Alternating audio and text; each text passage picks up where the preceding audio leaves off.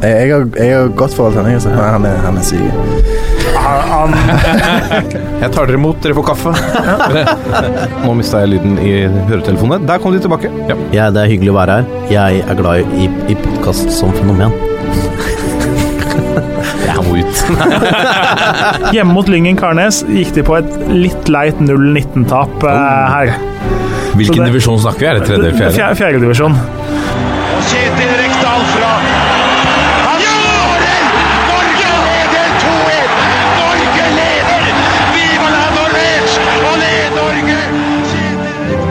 der er uh, toppfotball tilbake igjen, en uke etter denne uh, Josimar-spesialen for å feire eminente fotballmagasinet Josimars tiårsjubileum. Så hadde jeg besøk av Lars Johnsen i, i dette studio. Nå i samme stol så sitter en annen, en annen mann av kaliber verdig denne podkasten. Jørgen Kjernås, velkommen. Takk for det.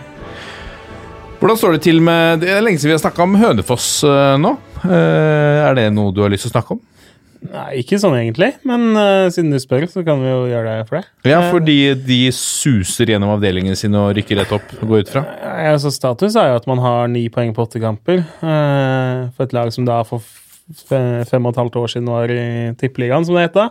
Så er jo ikke det helt optimalt på nivå fire. Eh, å tape for et rekordungt Ullkisa 2 hjemme var liksom ikke noe man så for seg i 2013 når man drev og slo, slo Rosenborg på Lerkendal. Så du hadde liksom ikke tatt imot scenarioet ja, i 2019 skal dere gå på et fortjent hjemmetap for Ullkisa 2. Det, den hadde man liksom ikke vært helt med på, da. Eh, så er det altså, mye skader og sånn, så har man eh, Ser ut som man har et sånt Nord-Norge-sykdom som gjør at man bare blir 15% dårligere fotballspillere av å sette seg på et fly på Gardermoen og reise nordover. Det er mange lag som blir det, da.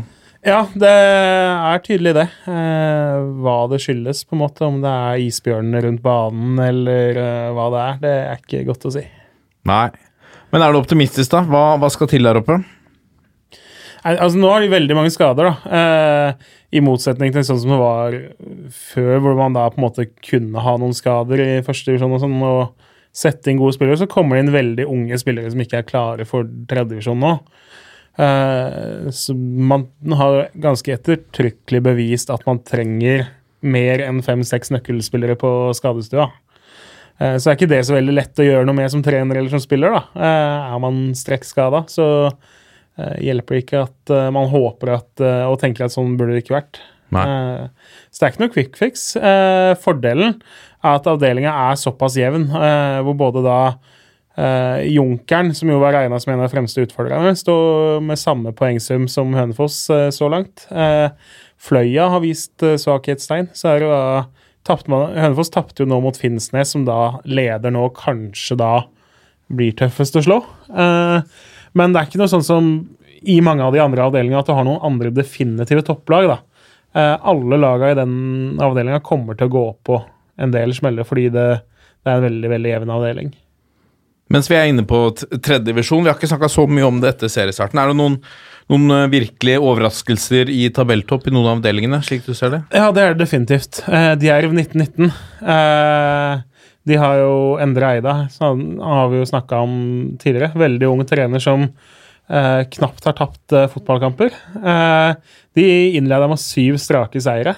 Slått eh, både Fyllingsdalen, Lysekloster og Haugesund-rival Vard med 3-0, eh, som da er de tre antatte topplaga.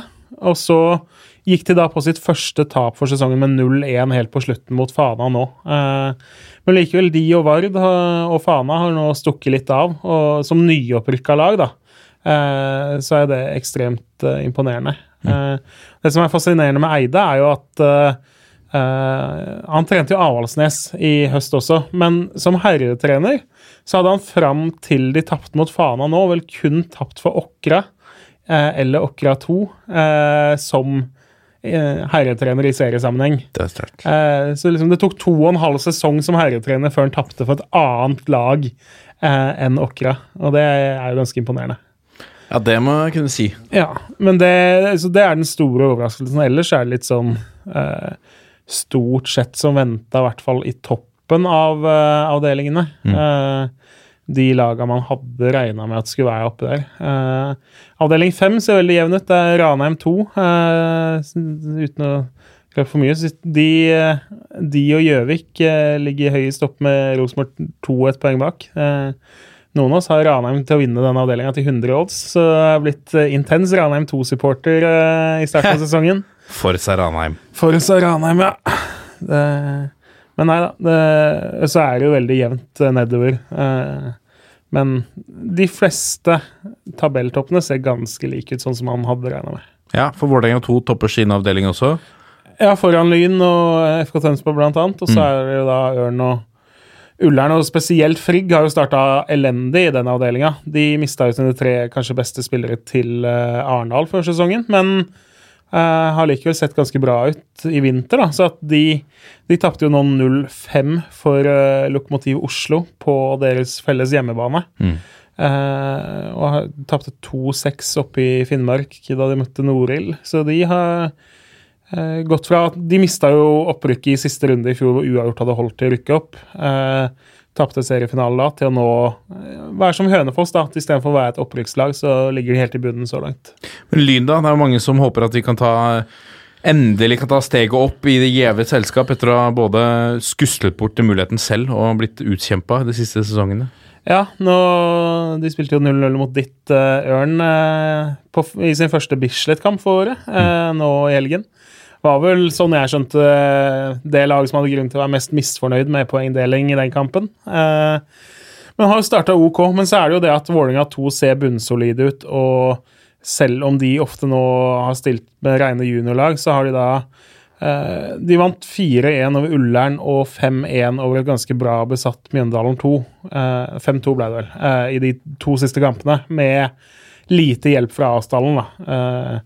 Kun de aller yngste i avstallen, som jo egentlig nesten ikke er helt A-lagsmedlemmer, fordi de er liksom nummer 20 og 21 i troppen. Kun de som har vært med. Så når de da slår gode lag med tre mål likevel, så er det Vålerenga 2-lag et lag som kommer til å gi fra seg lite poeng. Så Men det lover godt for de, og vi vet jo at uh, noen ganger så er det ikke alltid at, uh, at det lønner seg å sette inn på en etablert eliteseriespiller i et lag som fungerer godt fra før. Definitivt ikke. Eh, det er ekstrem forskjell i eh, å se hvordan de takler det. Jeg satt og så Molde 2 mot uh, Sarpsborg 2 her uh, sist uke. Mm. hvor da Molde 2 hadde med Etzas Hussein, som eh, er på vei tilbake fra skade. Mens uh, Sarpsborg kom da med Ruud Tveter og Kristoffer Larsen og han uh, som de har henta inn. og eh, Så ut som et grusomt fotballag, rett og slett. Selv om de da hadde en fire, fem, seks eh, eh, spillere som tjener penger på det her. Uh, Blei totalt liksom outsmarta av Molde, som da la seg dypt. Og så så det ut som Sarpsborg skulle kjøre det fra starta, men så eh, Molde rett og slett bare eide dem, for å si det sånn som en 14-åring ville si, sagt det. Eh, helt annen liksom, vilje og lyst til å spille fotball enn mandag formiddag i Molde. Så Ja, Vi har jo sett det i, i NMs innledende runder også. Det er ikke de store, i hvert fall tekniske, eh, fotballmessige, fer ferdighetsmessige forskjellene på, på eh, tredjedivisjon og eliteserien, men det er ofte staminaen og utholdenheten eh, som, som blir den store forskjellen etter hvert. Det er jo fryktelig ofte vi har sett nå, eh, i hvert fall mot de gode tredjedivisjonslagene og annendivisjonslagene, at eh, det blir jo ikke de store seierne. Og fram til det er spilt 60-70 minutter, så er det ofte uavgjort i de kampene i cupen nå. Eh, Det er da den lille forskjellen kommer inn. De eh, ekstra mulighetene til å kunne sove på sofaen fra klokka to til tre, der hvor tredjevisjonsspillerne da er på jobb på SFO eller på studier på universitetet. Mm. den lille forskjellen kommer til syne da på slutten. Og du ser jo ofte at når 2-1 kommer, så kommer 3-1 og 4-1 også. Eh, men eh, ja, det, de andre laga har definitivt fått kjenne på det at eh, nivået er tøffere enn det har vært før. Ja. Vi må eh, rase videre. Vi har eh, mye vi skal innom i, i denne sendingen. Um, I eh, pulsen skal vi selvfølgelig se nærmere på eh, det kommende verdensmesterskapet for, eh, for kvinner som sparkes i gang. Vi møter Nigeria i vår først- første match. Vi skal se på noen nye regelendringer som kommer i fotballen, men for også i norsk ball så blir det ikke lansert før neste år. Stemmer ikke det, Jørgen? Det stemmer. Det kan vel hende at de prøver det i noen treningskamper, for alt jeg vet, men jeg tviler. Det, det er 2020 som gjelder for oss. Men jeg regner med veldig mange kommer til å se på kvinne-VM, og der blir det jo tatt i bruk nå som første turnering. Ja. Interessant å se hvordan det vil utarte seg. Så er det jo, eh, vi er inne i en, eh, en rykteperiode med tanke på, på overgangsvindu, så vi skal se litt nærmere på noen overgangsrykter og eh, hvilke spillere i Eliteserien som står på den såkalte Bossmann-lista på utgående kontrakt. Så har vi fått en rekke lyttespørsmål som vi skal ta tak i, og så skal vi selvfølgelig se nærmere på de to neste landskampene til våre beste menn mot Romania og Færøyene. Dette er toppfotball. Og da har vi kommet til rundens øyeblikk. Eh, ingen uh, ukens tulipan eller kaktus denne uka, uh, Kjernos. Uh, dette er jo på, på mange måter Vangsteins spalte. Ja, det er jo egentlig det. Jeg har investert i hekk denne uka, jeg, da. For bare siden jeg er på Buskextra okay. Buksevester, eller hva? Buksevester, ja. ja så det får holde med holdt på, ting som vokser fra i jord for denne uka, tenker jeg. Ukens hekk. Ukens hekk gikk til huset mitt, og det hekk koster tydeligvis mye penger. Ja. La oss ta rundens øyeblikk, da. Hvor, uh, hvor skal vi da? Vi tenkte vel vi skulle til Polen. Ja, en liten tur. Eh, ved Norge U20 gjorde jo ikke all verdens i mesterskapet sitt, må vi jo kunne si. Vi hadde høye forhåpninger. Vi hadde definitivt høyere håp enn at det skulle bli exit i gruppespillet. Så var det jo en ulempe, så klart, å være en av de tidligst ferdige gruppene, da, sånn at andre eh, lag vet at ok, 0-0 i den kampen er eh, Det holder for oss. Du så jo at det var en del av de kampene hvor lag som allerede var videre, møtte lag som trengte ett poeng for å gå videre. Ender veldig fort uavgjort i en sånn kamp. Eh, laget som topper gruppa, vinner gruppa med 80% innsats, og laget som trenger ett poeng, får akkurat det de er ute etter. Mm. Eh, det er ikke noe snakk om noe kampfiksing da, men to lag som har på en måte glede av samme resultat, da blir det ofte det resultatet. Men Så fikk vi jo på, på mange måter en opptur da på slutten med 12-0-seier og nimålsskårer Auling eh, Braut eh, Haaland. Ja, det er en ganske vanvittig prestasjon. Helt utrolig. Eh, så er det jo Det kommer jo naturlig opp, da, dette med at kampen må være fiksa. Eh, jeg skjønner jo den ryggmargsrefleksen og den tanken. Eh, når man ser 12-0 i en kamp eh, som det der, så tenker man jo automatisk at her foregår det et eller annet som ikke er som det skal. Eh, og se, så man kampen nå, så sto jo forsvarsspillet til Honduras ikke bare til stryk, en del av det så jo mistenkelig ut også. Eh, men så er jo jeg, da Jeg, jeg tror oppriktig talt ikke at den var fiksa, da. Uh, og hvis den var det, så er de faktisk enda dårligere kampfiksere, tror jeg, da, enn eh, de er eh, fotballspillere. Selv om de framsto som ganske dårlige fotballspillere stort sett hele Honduras. Eh, litt av det jeg Altså, jeg har begynt å tenke tanker, jeg tenkte nå skal jeg følge med på oddsmarkedet her.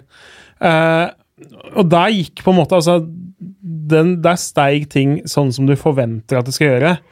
Som f.eks. for å ta første omgang, for da, etter 25 minutter, så begynte jeg også å få tanken ok, her kommer nå kommer oddsen til å dale på Norge eh, til, å slippe, eh, til å score med før pause, fordi Honduras var elendig. Men altså både før 2-0 og 3-0 og 4-0 og 5-0, som jo kom siste kvarteret av første omgang, så steig oddsen sånn som den skal på gjøre på det. Som da, for de som ikke er så inne i dette, altså, tyder på at det ikke er noen store penger i omløp? da? Ja, for det Hvis du spiller på at Norge skal vinne resten av første omgang, uh, spiller du mye på det, så faller jo oddsen. Da blir oddsen lavere.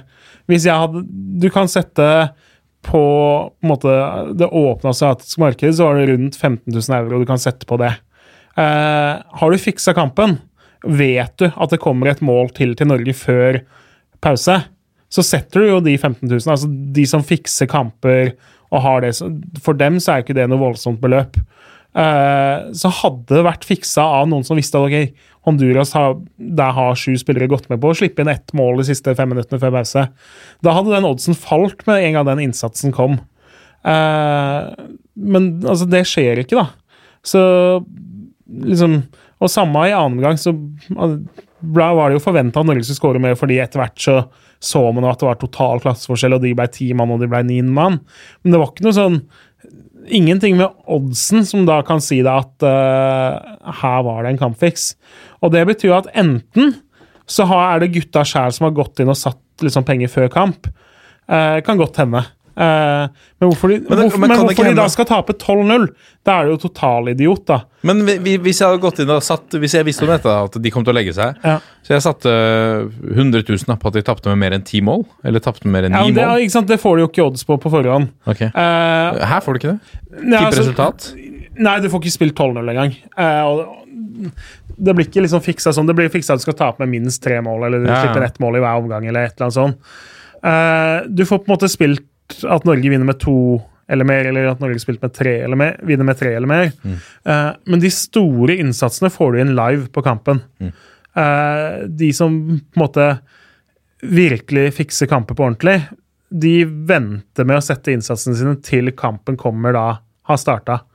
Eh, fordi markedet fungerer sånn at da får du sette mer penger enn det du gjør før kampen. Med unntak av de veldig store kampene, altså Champions League og den type kamper, får du satt mye på uansett. Men uh, skal jeg fikse en norsk førstedivisjonskamp, Obos-ligakamp, så hadde jeg ikke satt en krone før den kampen kom live. Uh, og da tenker jeg Da hvis de, Si at de gutta her har spilt på kampen selv, da blitt enige om ok, vi skal tape med to-tre mål. Eh, da gir det liksom ikke noe mening å tape 12-0. Da på en måte prøver du så godt du kan, men du sørger for å slippe inn da to-tre mål. Du slipper ikke inn tolv mål.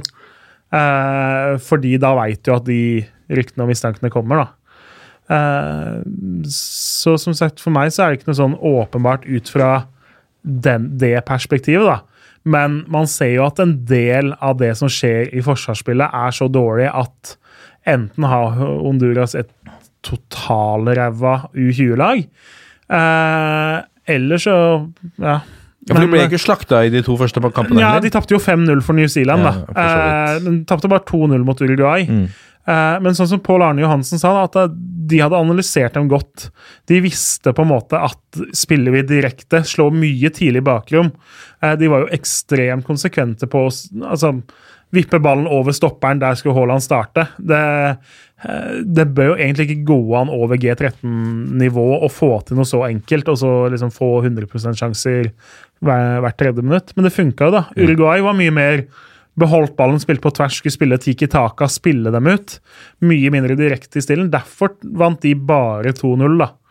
Uh, og så ser man jo, altså Honduras ellers har jo stort sett liksom møtt lag i egen region.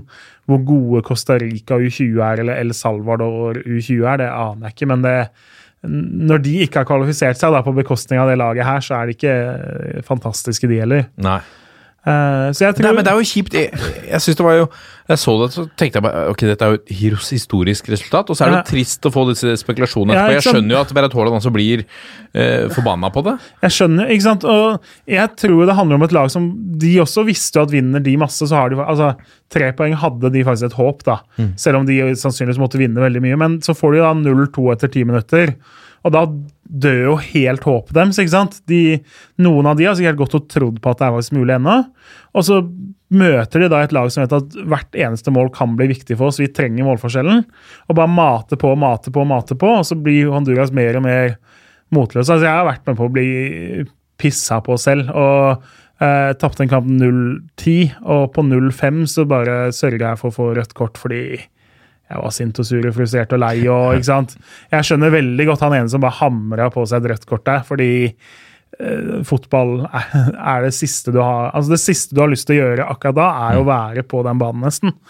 Du har gitt opp håpet om å snu det, og alt av ære og håp er borte. Så, eh, og så møter du da et lag som er supermotivert for å skåre så mye som mulig. Så blir det fort litt sånn. Ja. Eh, jeg tror mer på det, da. Men Kjempekompliment også til Honduras forsvar, at dere spiller så dårlig at folk tror at det er alle tror det er ja. Men altså, han ene som opphever offsiden der på et av de siste målene, sånn, det er jo så dårlig at altså, enten så er han totalt begredelig som fotballspiller, eller så er- prøver han på det. liksom. Det er jeg også med på den. Men Og det er kombinert med en Erling Braut Haaland som jo har vist at han er i strålende form. Ja, altså ser man de fleste av de avslutningene. Eh, det er vanskelig å laste keeperen for veldig mange av de målene som kommer. Altså. mange av de. Eh, ja, men det er jo gode, kontante, harde avslutninger. Så, Sånn som Jeg har jo sett en del kamper, f.eks. svensk U19-fotball nå, hvor Selvfølgelig har du det. Eh, ja, men fordi der har på en måte alt ropt om at den kampen er fiksa. Det er lag som er kjent for det, og det har vært oddsutvikling og det har vært mål Ja. og røde kort som liksom Og så kommer høydepunktene etterpå, og så ser du liksom at eh, det er så dumt at ingen tror på det, på en måte. Eh, det var jo noen sånne som sett på forsvaret til Honduras, men keeperen ikke Altså, ja. Ja. Kanskje, ikke, Så, ja. Kanskje han ikke var med på spleiselaget? Ja, men jeg tenker altså, skal du, skal du fikse en kamp, da, så er jo keeperen den du helst vil ha på, Ja. på din side. da. Eh, det er litt kjedelig hvis For å si det sånn, da, hvis Det kan jo hende Fredrikstad hadde funnet ut at de skulle fikse kampen borte mot Rosenborg her, men Steinar Sørli var ikke med på det, liksom. Det, det er litt dumt å ha den. Ikke at vi tror det, men altså Det er jo da et flashback til hvor Steinar Sørli var superduper fantastisk på Lerkendal en gang og sto vel til terningkast 100 på børsen omtrent. Så eh, sørg alltid for å ha med deg keeperen hvis du skal fikse en kamp. er vel Og der fikk dere oppskriften direkte fra Jørgen Kjernans. Ikke prøv dette hjemme! Hvis, hvis man ikke har skjønt det før tipset mitt, så tror jeg ikke det er noe håp eh, som kan fikse det uansett. Dette er toppfotball. Og da er vi kommet til pulsen, og vi skal bruke en del tid på å se nærmere på verdensmesterskapet for kvinner som sparkes i gang nå denne helgen. Våre kvinner skal først i aksjon lørdag. Klokken ni står Nigeria på motsatt eh, banehalvdel, og eh, denne kampen bør og skal vi vinne, Jørgen. Ja. Eh, det er en ganske tøff gruppe, eh, men hvor Nigeria er det laget som er venta å være det svakeste i gruppa. Eh, så er det jo litt sånn at eh, fire av seks treere går jo videre til eh, åttedelsfinale. Eh, det betyr i prinsippet at tre poeng kan være nok. Fire poeng er fort nok. Så slår vi Nigeria med mye, så holder det trolig med ett poeng i de to siste kampene for å gå videre. Eh, men det er jo litt sånn altså, to sider av saken. Da. Eh, når du møter det dårligste laget først Hvis du ikke vinner den, så er du jo faktisk i kjempetrøbbel. Mm. da har vi en voldsom oppoverbakke foran oss. Ja, for Vi må ta utgangspunkt i at altså vi, vi kan ta gruppa først. da Vi har jo Frankrike, Sør-Korea og Nigeria. Eh, Frankrike, som er jo eh, altså soleklare favoritter i denne gruppa, ligger på tredjeplass på Fifa-rankingen Ja, de er favoritter til å vinne mesterskapet. på Eh, hjemmebane. spillselskapene har lavest odds av alle på dem, med, USA annet rett bak. Så eh, det til tross for at Frankrike har ikke noen voldsomme meritter, men er på vei opp og fram. Har mange som da spiller for Lyon, eh, som jo har vunnet Champions League fire år på rad. Eh, har et voldsomt angrepsarsenal hvor de på en måte må benke gode spillere som hadde gått inn på de nesten alle andre lagene.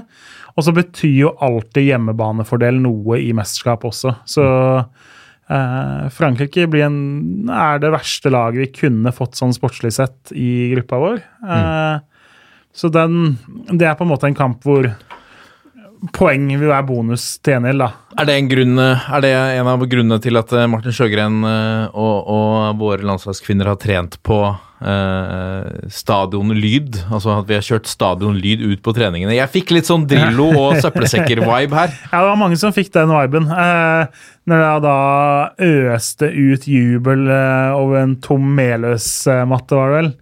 Eh, man kan jo skjønne det, fordi de fleste av de norske spillerne er ikke vant til å spille foran veldig mange tilskuere. Eh, noen av dem gjør det jo eh, regelmessig eller av og til, men eh, det er tross alt noe annet å skulle spille en kamp foran mange ekstatiske hjemmepublikummere, og da titusener av dem, istedenfor å spille foran noen hundre eller noen tusener. Så om du får noe effekt av det, er jeg skeptisk til.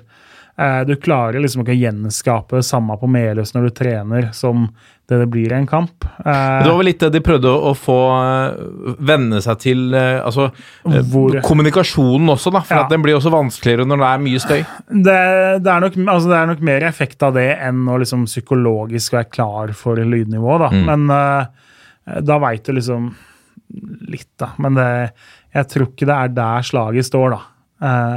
Jeg, tror ikke, jeg håper ikke sjøgren står etter en seier over Frankrike og hyller eh, høyttalerne på Meløs eh, var banens beste. Nei.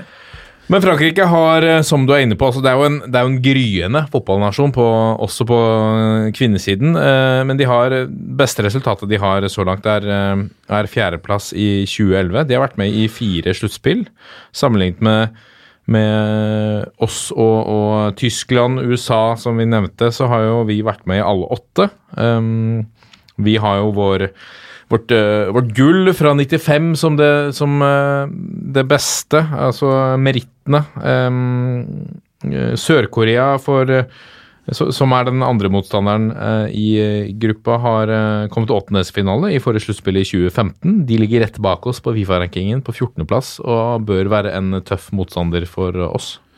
Ja, det er jo Japan som har vært det store laget fra Asia. De vant jo i 2011 og ble nummer to i VM for fire år siden. Så Sør-Korea møter vel dem med relativt brukbar hyppighet og får god matching sånn sett. Men skal ikke skryte på oss noe voldsom liksom, kjennskap til Sør-Korea-mannskapet. Men ser man på resultater de har oppnådd de siste årene, så er det klart at det er et lag eh, Norge er venta å kjempe om annenplassen med. da.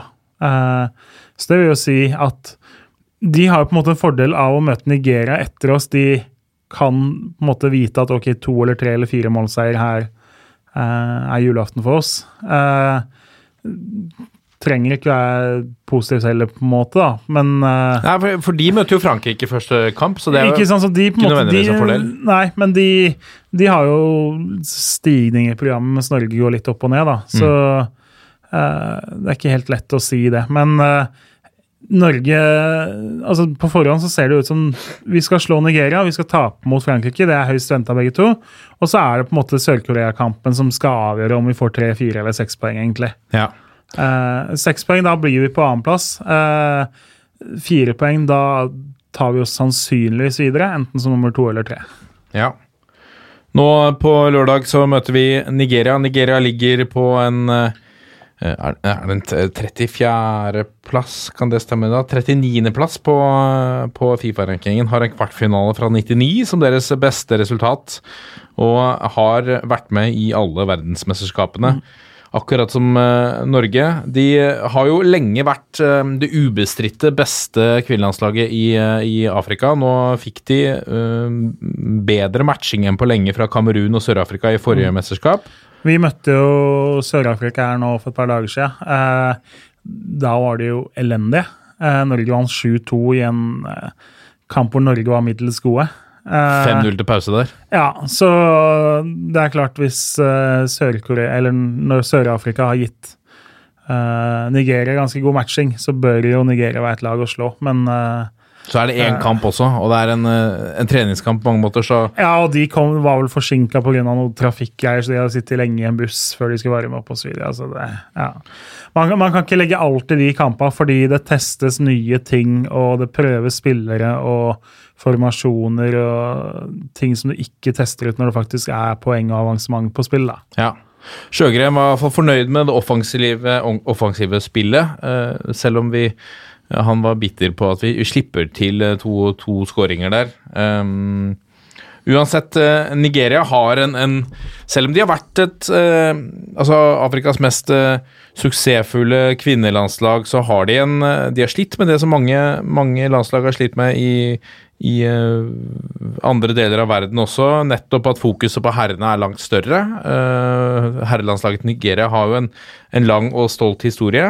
Uh, nigerianske kvinnelandslaget har slitt med, med fokus. Det har vært dårlige forberedelser, lite satsing, og nå sist etter etter eh, mesterskapet i 2016, var det vel, så gikk Assisat uh, Oshuala og Desiree Oparanozzi ut og, og var ganske frustrert over opplegget, rett og slett. Det, det minner jo litt om en reaksjon fra en viss annen spiller uh, vi kjenner, uh, Jørgen. Det gjør det definitivt. Det var jo, Vi har jo toucha innom Josimar. Uh, Hegerberg hadde jo et intervju i Josimar som kom ut nå. men eh, klargjorde litt mer og hadde litt mer detaljer på hva det faktisk er hun har vært eh, misfornøyd med. da. Eh, men at eh, hun er kravstor og forventer profesjonalitet på en måte i alle ledd, og har følt at det har blitt litt leirskole på eh, landslaget, da. Det har vært ganske tydelig. Og så er jo det litt sånn Og så kommer hun fra en helprofesjonell hverdag, da. Det er Ja, jo ikke et Altså, ser sylskarpt opplegg Ser, i du- ser du treningsanlegget og opplegget rundt LIO-laget, så er altså, det er jo en grunn til at de har vunnet Champions League fire år på rad. Mm. De er best på, på alt som er rundt, og på økonomi, og de kan hente de beste spillerne i verden. Eh, det er jo liksom som å være en del av Dream Team, og da og liksom skulle komme, skulle komme på leirskole da, da, da sliter du med det. Mm. Så så er det jo litt sånn norskt òg, da, tenker jeg. At uh, er folk kravstore, så kan det oppleves som maste og arrogant. Ja. Uh, på en måte. Uh, man går litt automatisk i forsvar og på en måte vil beskytte det som forbundet faktisk tilbyr, da, uh, istedenfor liksom å skulle komme i møte på alt. Men det er klart det er en vanskelig sak, men sånn som ting har stått nå, så er det, har det vært ganske tydelig at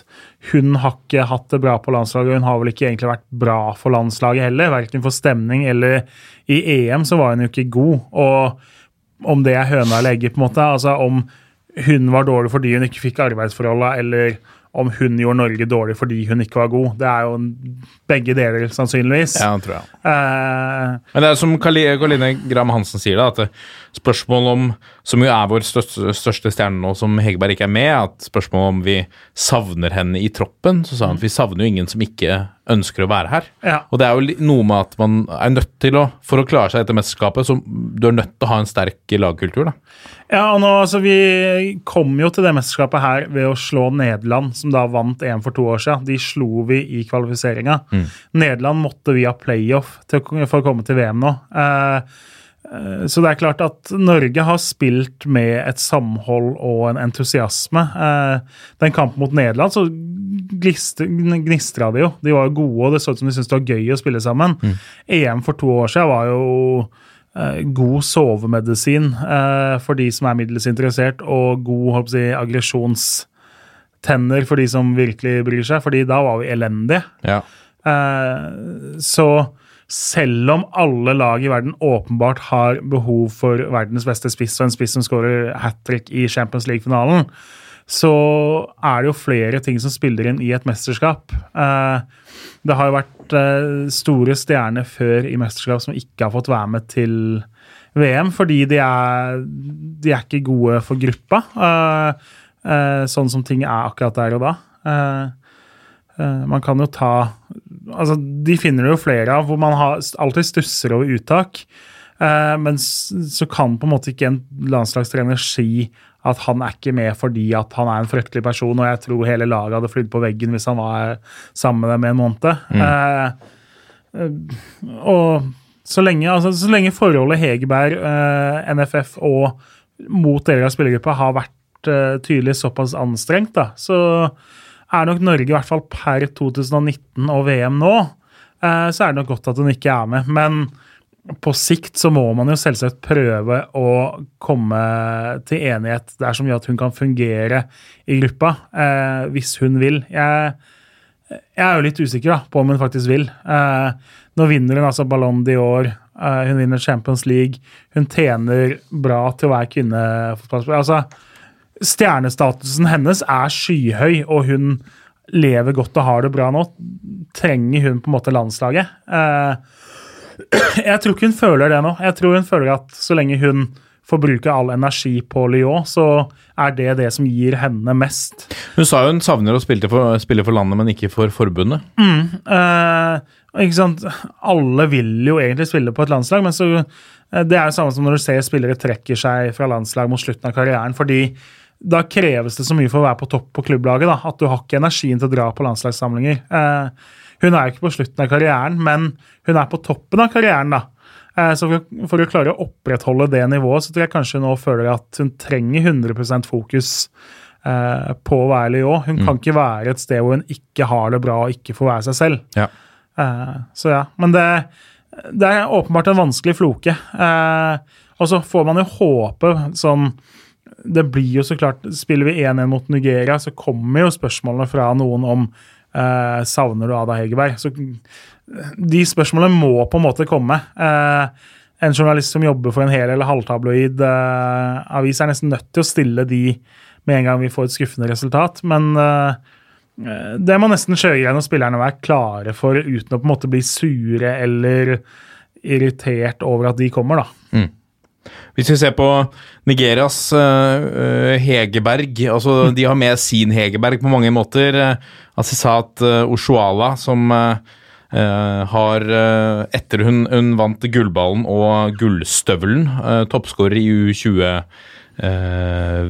var det vel, i, i eh, 2014, så så har hun etter det vunnet tre, eh, tre gullballer som Afrikas beste kvinnelandslagsspiller. Eh, og spilt for både Liverpool og Arsenal for et litt overraskende trekk hvor hun eh, dro til Kina, som eh, så mange andre spillere har gjort, før hun nå er på lån på, hos Barcelona og blir lagvenninne med vår egen Caroline Graham Hansen. Står vel med Etter hun kom dit i januar, så står hun vel ved, ved mm, syv, syv kamper og syv skåringer.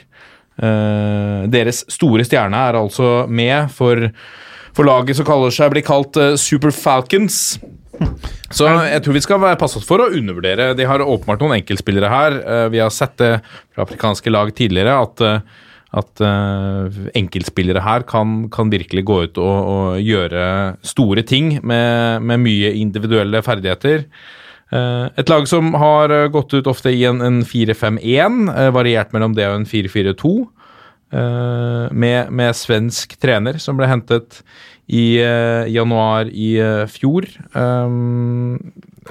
Thomas Dennerby, som tidligere har ledet Var det Linköping da, som har ledet til seier i, i uh, Jeg tar alltid feil av Lidkjøping og Linköping. Det er jo to forskjellige steder. Ja, Lin, jeg, jeg tror Linköping var det. Jeg mener det var Linköping. nesten, altså, det er Sveriges Kristiansand og Kristiansund. Eh, rett og slett. Nydelig. Men det, vi, som vi har sagt, altså dette vi, vi må starte med en seier. og Sånn sett så er det kanskje greit å starte med det antatt svakeste laget i gruppa, selv om mesterskap er mesterskap, og det er helt annerledes å møte et lag nå eh, under eh, omstendighetene med mye, med mye det kan, vi, vi kan merke høye skuldre, vi også, i et uh, mesterskap, selv om vi har en meget rutinert uh, tropp, må vi kunne si. Uh, ikke minst med Ingrid Hjelmseth helt bak der, med 132 landskamper. Er Ja, det, er- det er jo imponerende. Jeg satt jo og så litt på I herrefotballen så er det jo sjelden man får spillere over 100 landskamper. I damefotball så har det jo faktisk mange som er over 200. Eh, men rekorden var 348. Det tror jeg det var på en uh, er amerikansk spiller. Det er ganske eh, Det spilles jo en del kamper, da. De oppkjøringsturneringer og litt sånn, men likevel. Uh, å holde på i 20 år og være fast på laget i stort sett hver eneste kamp, det er meget imponerende. Ja. Så har vi jo eh, Graham Hansen, som, som det må bør stemme for for uh, vår del. Viktig, viktig spiller for, uh, for oss. Vi har jo en, en rutinert dame helt der framme også, med Isabel Herlofsen. 126 kamper og 60 skåringer. Da også ganske imponerende. Um, Ja, og så har vi jo åpenbart, altså Guro Reiten var jo heller ikke god i EM for to år siden, men har jo vært fantastisk for eh, LSK kvinner. savner kanskje at hun får det altså, Ja, det blir spennende å se. Nå har, jo på en måte, nå har overgangen hennes til Chelsea gått i boks òg, da.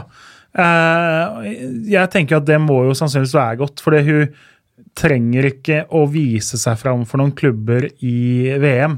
Eh, den overgangen kommer uansett, så hun slipper det presset på skuldrene her, da. Eh, blei jo litt inn og ut av laget for to år siden. Blei liksom ikke helt brukt uh, så godt som det man hadde håp om da. Uh, men det hun har vist i toppserien, så gjør det jo ganske åpenbart at det er en spiller det gjelder å få i gang hvis du har tenkt å uh, komme deg langt i et mesterskap. Ja. Det blir spennende å følge, følge våre beste kvinner. De møter altså Nigeria eh, lørdag klokken ni, før de da tar imot Eller tar imot, det er eh, storfavoritt Frankrike som, eh, som tar imot eh, Norge på den, den 12. juni klokken ni, altså i kamp nummer to eh, spennende mesterskap som nå er i gang. Jeg så at eh, kampene sendes også på kontraskjæret i Oslo, for de som er i hovedstaden. Kan jeg få skyte inn? Jeg, nå forskutterer vi jo ting veldig, da. Eh, men Norge er jo sånn som Altså, vi er jo forventa å komme på annenplass i gruppa fordi vi er regna som hakket bedre enn Sør-Korea. Ja. Eh, Brasil er eh, antatt å skulle bli nummer to i sin gruppe. eh, fordi at eh, de er regna rett bak Australia i sin eh, gruppe. Eh, skulle både Norge og Brasil eh, ende på annenplass i eh, sin gruppe, så møtes vi da altså i NIS 22. juni. Oi, det er Og det er altså sprøtt, det er ganske nære Marseille, og det er ganske nære 23. juni. Ja. Så det blir jo nesten en liten gjenskapning av Norge-Brasil. Det er sånn hvis og om at. Som sagt, vi må ende på annenplass begge to, men det, det er ikke helt usannsynlig at det skjer, da. Og det, ja. Så det er, det er synd det ikke er i Marseille dagen etter. Det hadde jo nesten vært uh, helt innertid. Jeg syns nesten Nesten du skulle Eh, flyttes. jeg, jeg tror ikke Marseille er blant uh, arrangørstedene. Eh, de arrangerer i hvert fall ikke noen av kampene i sluttspill, altså i åttedels og videre. Nei. Eh, men jeg syns jo nesten at skulle det bli Norge-Brasil, så får du flytte den en dag og flytte den noen mil til Marseille. Det, det må vi ha lov til å si, Arne. Ja. ja. Eh, det er i hvert fall det er veldig gøy at eh, et mesterskap står for døren eh, igjen. Vi gleder oss til Norges kamper og la det bli mange av de, da. Stå på, jenter. Eh, vi går videre til eh, Apropos sluttspillet, som vi snakket om innledningsvis. eh, det er introdusert en rekke regelendringer som trer i kraft på herrefotballsiden, i hvert fall her hjemme i 2020. Men som du sa, Jørgen, allerede nå så kan vi få se hvordan de nye reglene vil, vil fungere. Og er det, er det noen store altså, endringer her som forandrer fotballen fundamentalt, slik vi kjenner den? Ikke, ikke fundamentalt. som jeg, altså, Da tenker jeg da må du ta vekk offside-regelen eller begynne med effektiv spilletid og sånne ting. Det er det jo ikke. Men uh, noen ting som jo kommer til å se snodig ut hvis det skjer i VM, sånn som det trolig gjør, er bl.a. at spillere nå skal bytte ut der hvor de er nærmest kort- eller langsiden. Eh, spesielt så er det spesifisert at det skal skje mot slutten av kampene for å for at muligheten til å drøye med bytter skal unngås. da. Man ser jo ofte spillere som lusker seg mot cornerflagget fordi de har fått beskjed om at om ett minutt så skal det byttes ut. Sånn at eh, de er 70 meter unna der de skal bytte. Eh, de Men da- dette ønsker jeg velkommen. ja, altså Det er jo et godt tiltak, Ja. eh, så lenge det brukes konsekvent. da. Eh, at det ikke blir en sånn sovende regel, og så plutselig er det én dommer innimellom som bruker den. Eh, men eh, man skjønner jo veldig godt hensikten bak. Eh, og det bidrar jo forhåpentlig til at eh, det blir mer ball i spill mot slutten av eh, kamper. da. Eh, og så En ting som jeg syns er snålt, er det her med at eh, når det settes opp en mur på uh, frispark, så får nå angri angripende lag får ikke lov til å ha spillere i muren. Nei. Der da har man jo sett veldig mye knuffing og varianter og forsøk på liksom Du har sett de som legger seg ned. ja, her er min plass, liksom, og jeg vil inn i muren, og man skal splitte opp muren og sånn. Eh, nå må angrepsspillerne være minst en meter unna muren som settes opp. Jeg syns jo det er en litt snodig regel, da. Eh, skal du liksom ikke få lov til å stå i nærheten av andre spillere på banen hvis du har lyst til det? Eh, på corner og sånn så må du jo stå 9,15 meter unna. Men uh, litt annen ting, føler jeg. Uh, jeg skjønner veldig godt hensikten, men jeg syns også det jeg synes likevel det er litt sånn Skal det egentlig være sånn, da? Skal vi ikke få lov til å stå ved siden av muren? Vi får Eh, færre artige frisparkvarianter av dette, da, kanskje? Eller kanskje vi nettopp får flere, man blir mer kreativ ut av det? Ja, det blir jo veldig spennende å se hvordan det løses, da. Men det, eh, det bidrar jo Altså, man vil jo alltid utnytte reglene sånn som de er. Og hvis du ikke får lov til å på en måte bryte opp muren og dukke og sånne ting i den, så må du jo finne på noe nytt. Eh, så at det nå sitter noen eh, fiffige frisparktrenere og legger opp nye slagplaner for å komme opp med overraskende ting, det eh, skulle man jo tro. Eh, kan hende det sitter noen i Mjøndalen eh, og gjør det, f.eks. Der har man jo sett eh, Den er jeg overraska over at fotballag går på ennå. Eh, nå digre... Hva heter det hvis man har en digresjon, da? Hva, er- hva er? Digregerer, tror ja, jeg kanskje. det hva finnes verbformen Kjempe- av kjempebra verb. Ja. Eh, Mjøndalen har jo ofte kjørt denne hvor de stiller opp tre stykker eh, rundt ballen på frispark, og så liksom kjefter og er Christian Gauseth og er kjempeoppgitt på en spiller som liksom har hatt lyst til å ta det, og dytter han liksom unna. Og så lusker han seg sånn ved siden av muren, og så han som da står igjen sammen med Gauseth, har jo da slått eh, til denne spilleren som da har gått ut av muren, som da skal slå inn i feltet igjen og så prøve å skåre. Det gjorde de vel nå sist på Lerkendal, og det har de gjort mange ganger. Eh, brukt med suksess i ti år, da. Så at ikke liksom lag som mjø møter Mjøndalen begynner å catche at det her kan skje. Ja. Ville jo satt av 20 sekunder til det på spillemøtet. Analysen. Jeg ville jo gjort det, når de tross alt har gjort det ganske mange ganger. Ja. Eh, Men jeg så det er en endring i hens-regelen også. Nå, er det, nå dømmes det hens om du scorer med hånda, selv om det ikke er gjort med forsett. Altså hvis du har Ja, og så er det også der sånne visse forbehold at hvis ballen kommer fra en annen kroppsdel og altså, Men eh, akkurat nå så eh, Scorer du med hånda, så er det på en måte hovedregelen per nå, med noen forbehold, sånn som det er for alt i denne hands-regelen. Eh, da er det ikke mål. Og det samme hvis du får kontroll over ballen. Eh, og det er, man beveger seg i hvert fall nærmere intensjonen for hands-regelen, da. Eh, men det er klart Hens-regelen er- har såpass mange måte varianter og vurderinger og eh, ja, det, Den som klarer å forklare hens-regelen på en klar og tydelig og god måte, er ikke født ennå. Så vi får håpe at holdt på å si hens-Messias eh, dukker opp i løpet av de nærmeste årene. Og så endres eh, dropp. Dropp endres. Eh, der har man nå gått til at eh, fra å gå om kamp om ballen, til at eh, laget som på en måte skulle hatt ballen, ut fra dommerens eh, vurdering Det er dommeren som vurderer det det. er nå. Dommeren vurderer det nå. Hvem var det som på en måte hadde ballen idet det ble blåst? Eh, ok, det var de. Da får de ballen. Så står det ikke helt krystallklart hva hvis ballen skal droppes f.eks. inn i 16-meteren.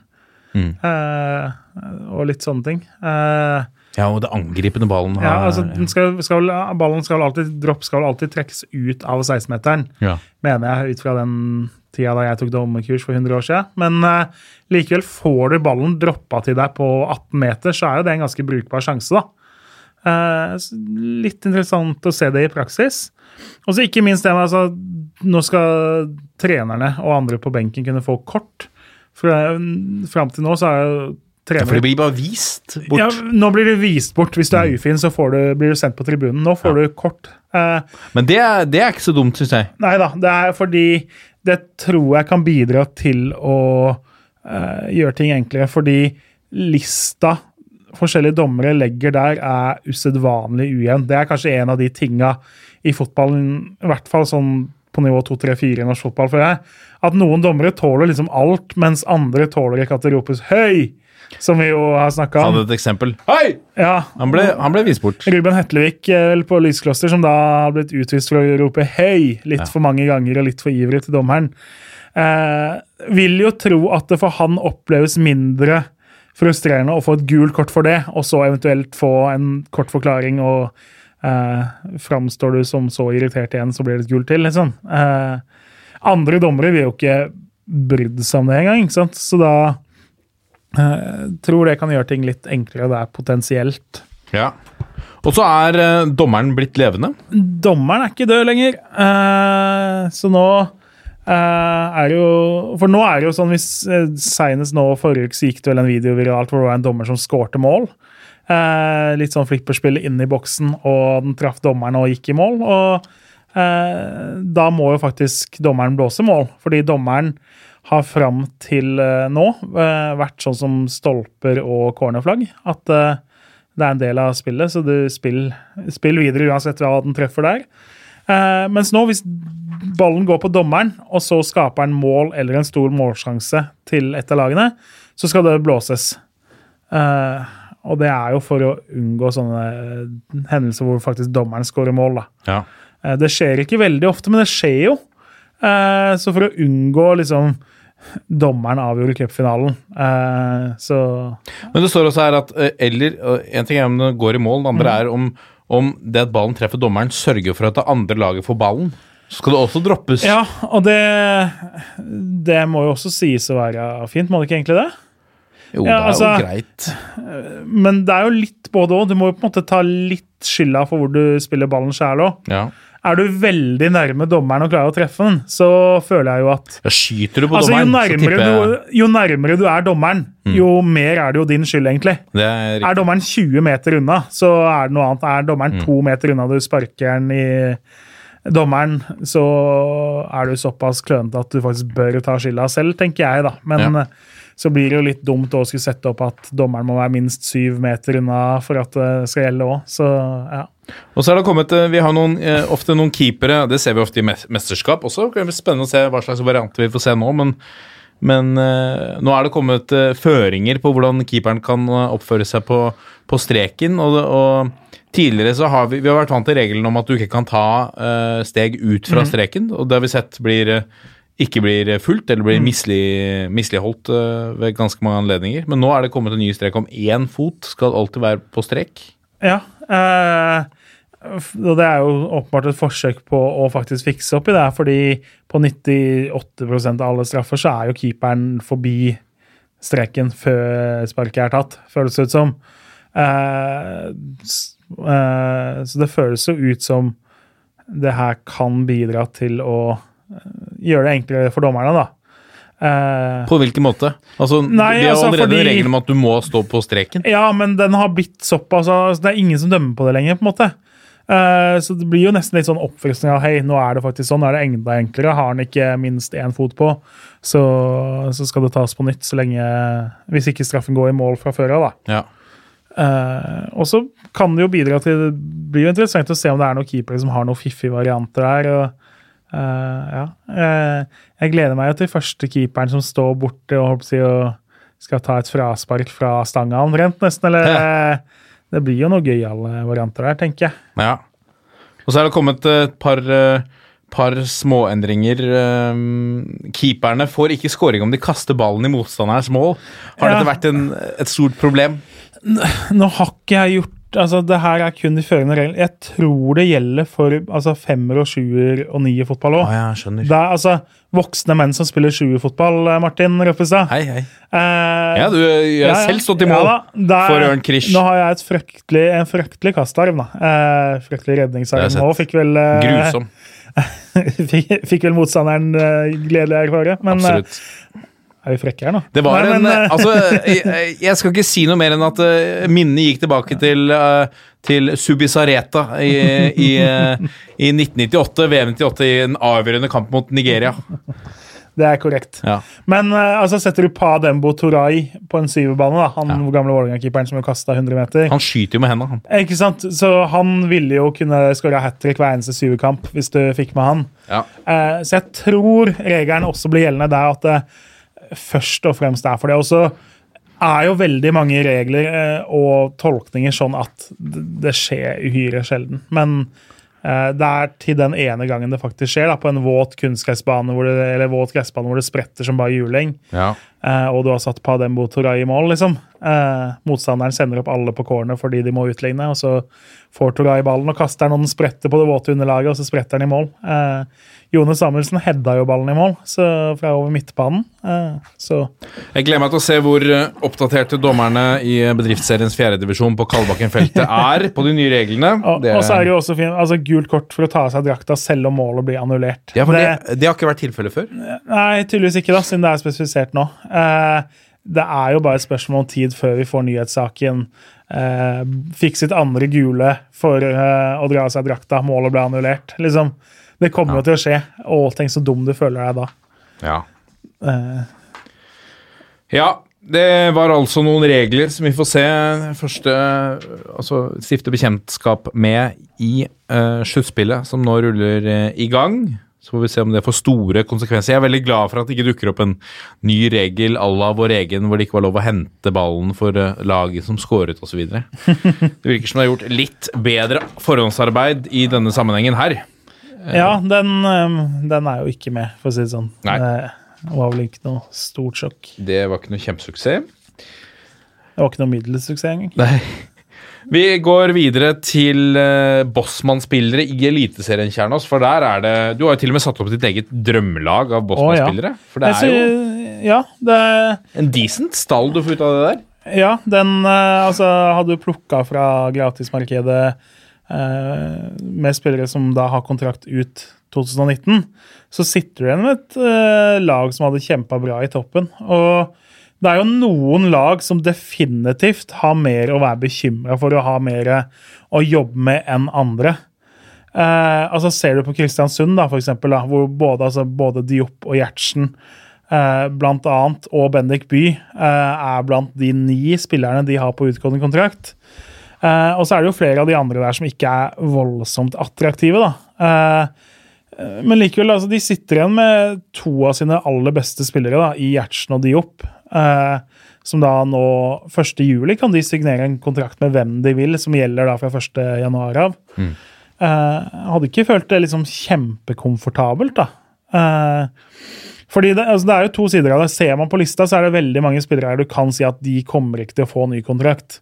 Ja, eller de som er altså, gamle spillere, Frode Kipp f.eks., som signerer ettårskontrakter av gangen. Ikke sant? Eh, så mange er i den kategorien.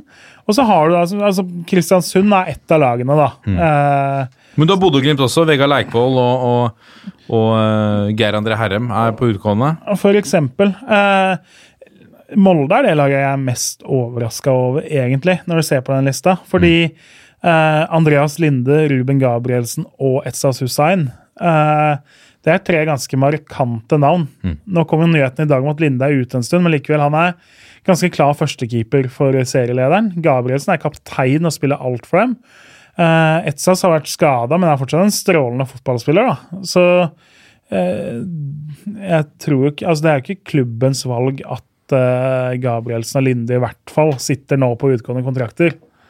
Jeg tror du de ønsker seg ut? De har jo snakka om det når det har vært oppe i media i fjor og sånn, blant annet. Så, og det er så klart, altså De har lyst til å sondere hvilke muligheter som ligger for dem. Hvis ikke så hadde de signert uh, for Molde. Ja. Uh, det er det ikke tvil om. Uh, samme gjelder jo da uh, f.eks.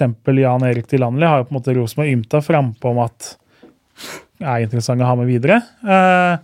Men han ønsker jo da litt å se på hvilke muligheter som ligger for han, hvor mye han faktisk får spille under Horneland osv. Så, uh, så sant, for spilleren også er jo det her Det er jo to sider av det. Eh, det er potensielt fint å sitte igjen med utgående kontrakt, fordi da kan du gå til en annen klubb hvis du har lyst og er misfornøyd, og få et godt tilbud.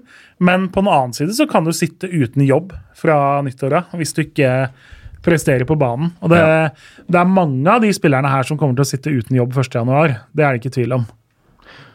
Ta eh, to lag som eh, har eh, Eller i hvert fall ett lag som i stor grad har underprestert, da, i, i hvert fall ifølge supporterne Strømsgodset, som jo har en, en gjeng av, av den litt eldre generasjonen som nå er på utgående. Litt mer erfarne spillere i Lars Sætra, Monir Hamoud, Henning Hauger. Um, Ja, ingen- altså, Markus Pedersen er på utgående. Markus Pedersen og Amal Pellegrino er på utgående. Ja. Uh, altså Spillere som Hauge, Skjetra, Hamod, Stian Ringstad.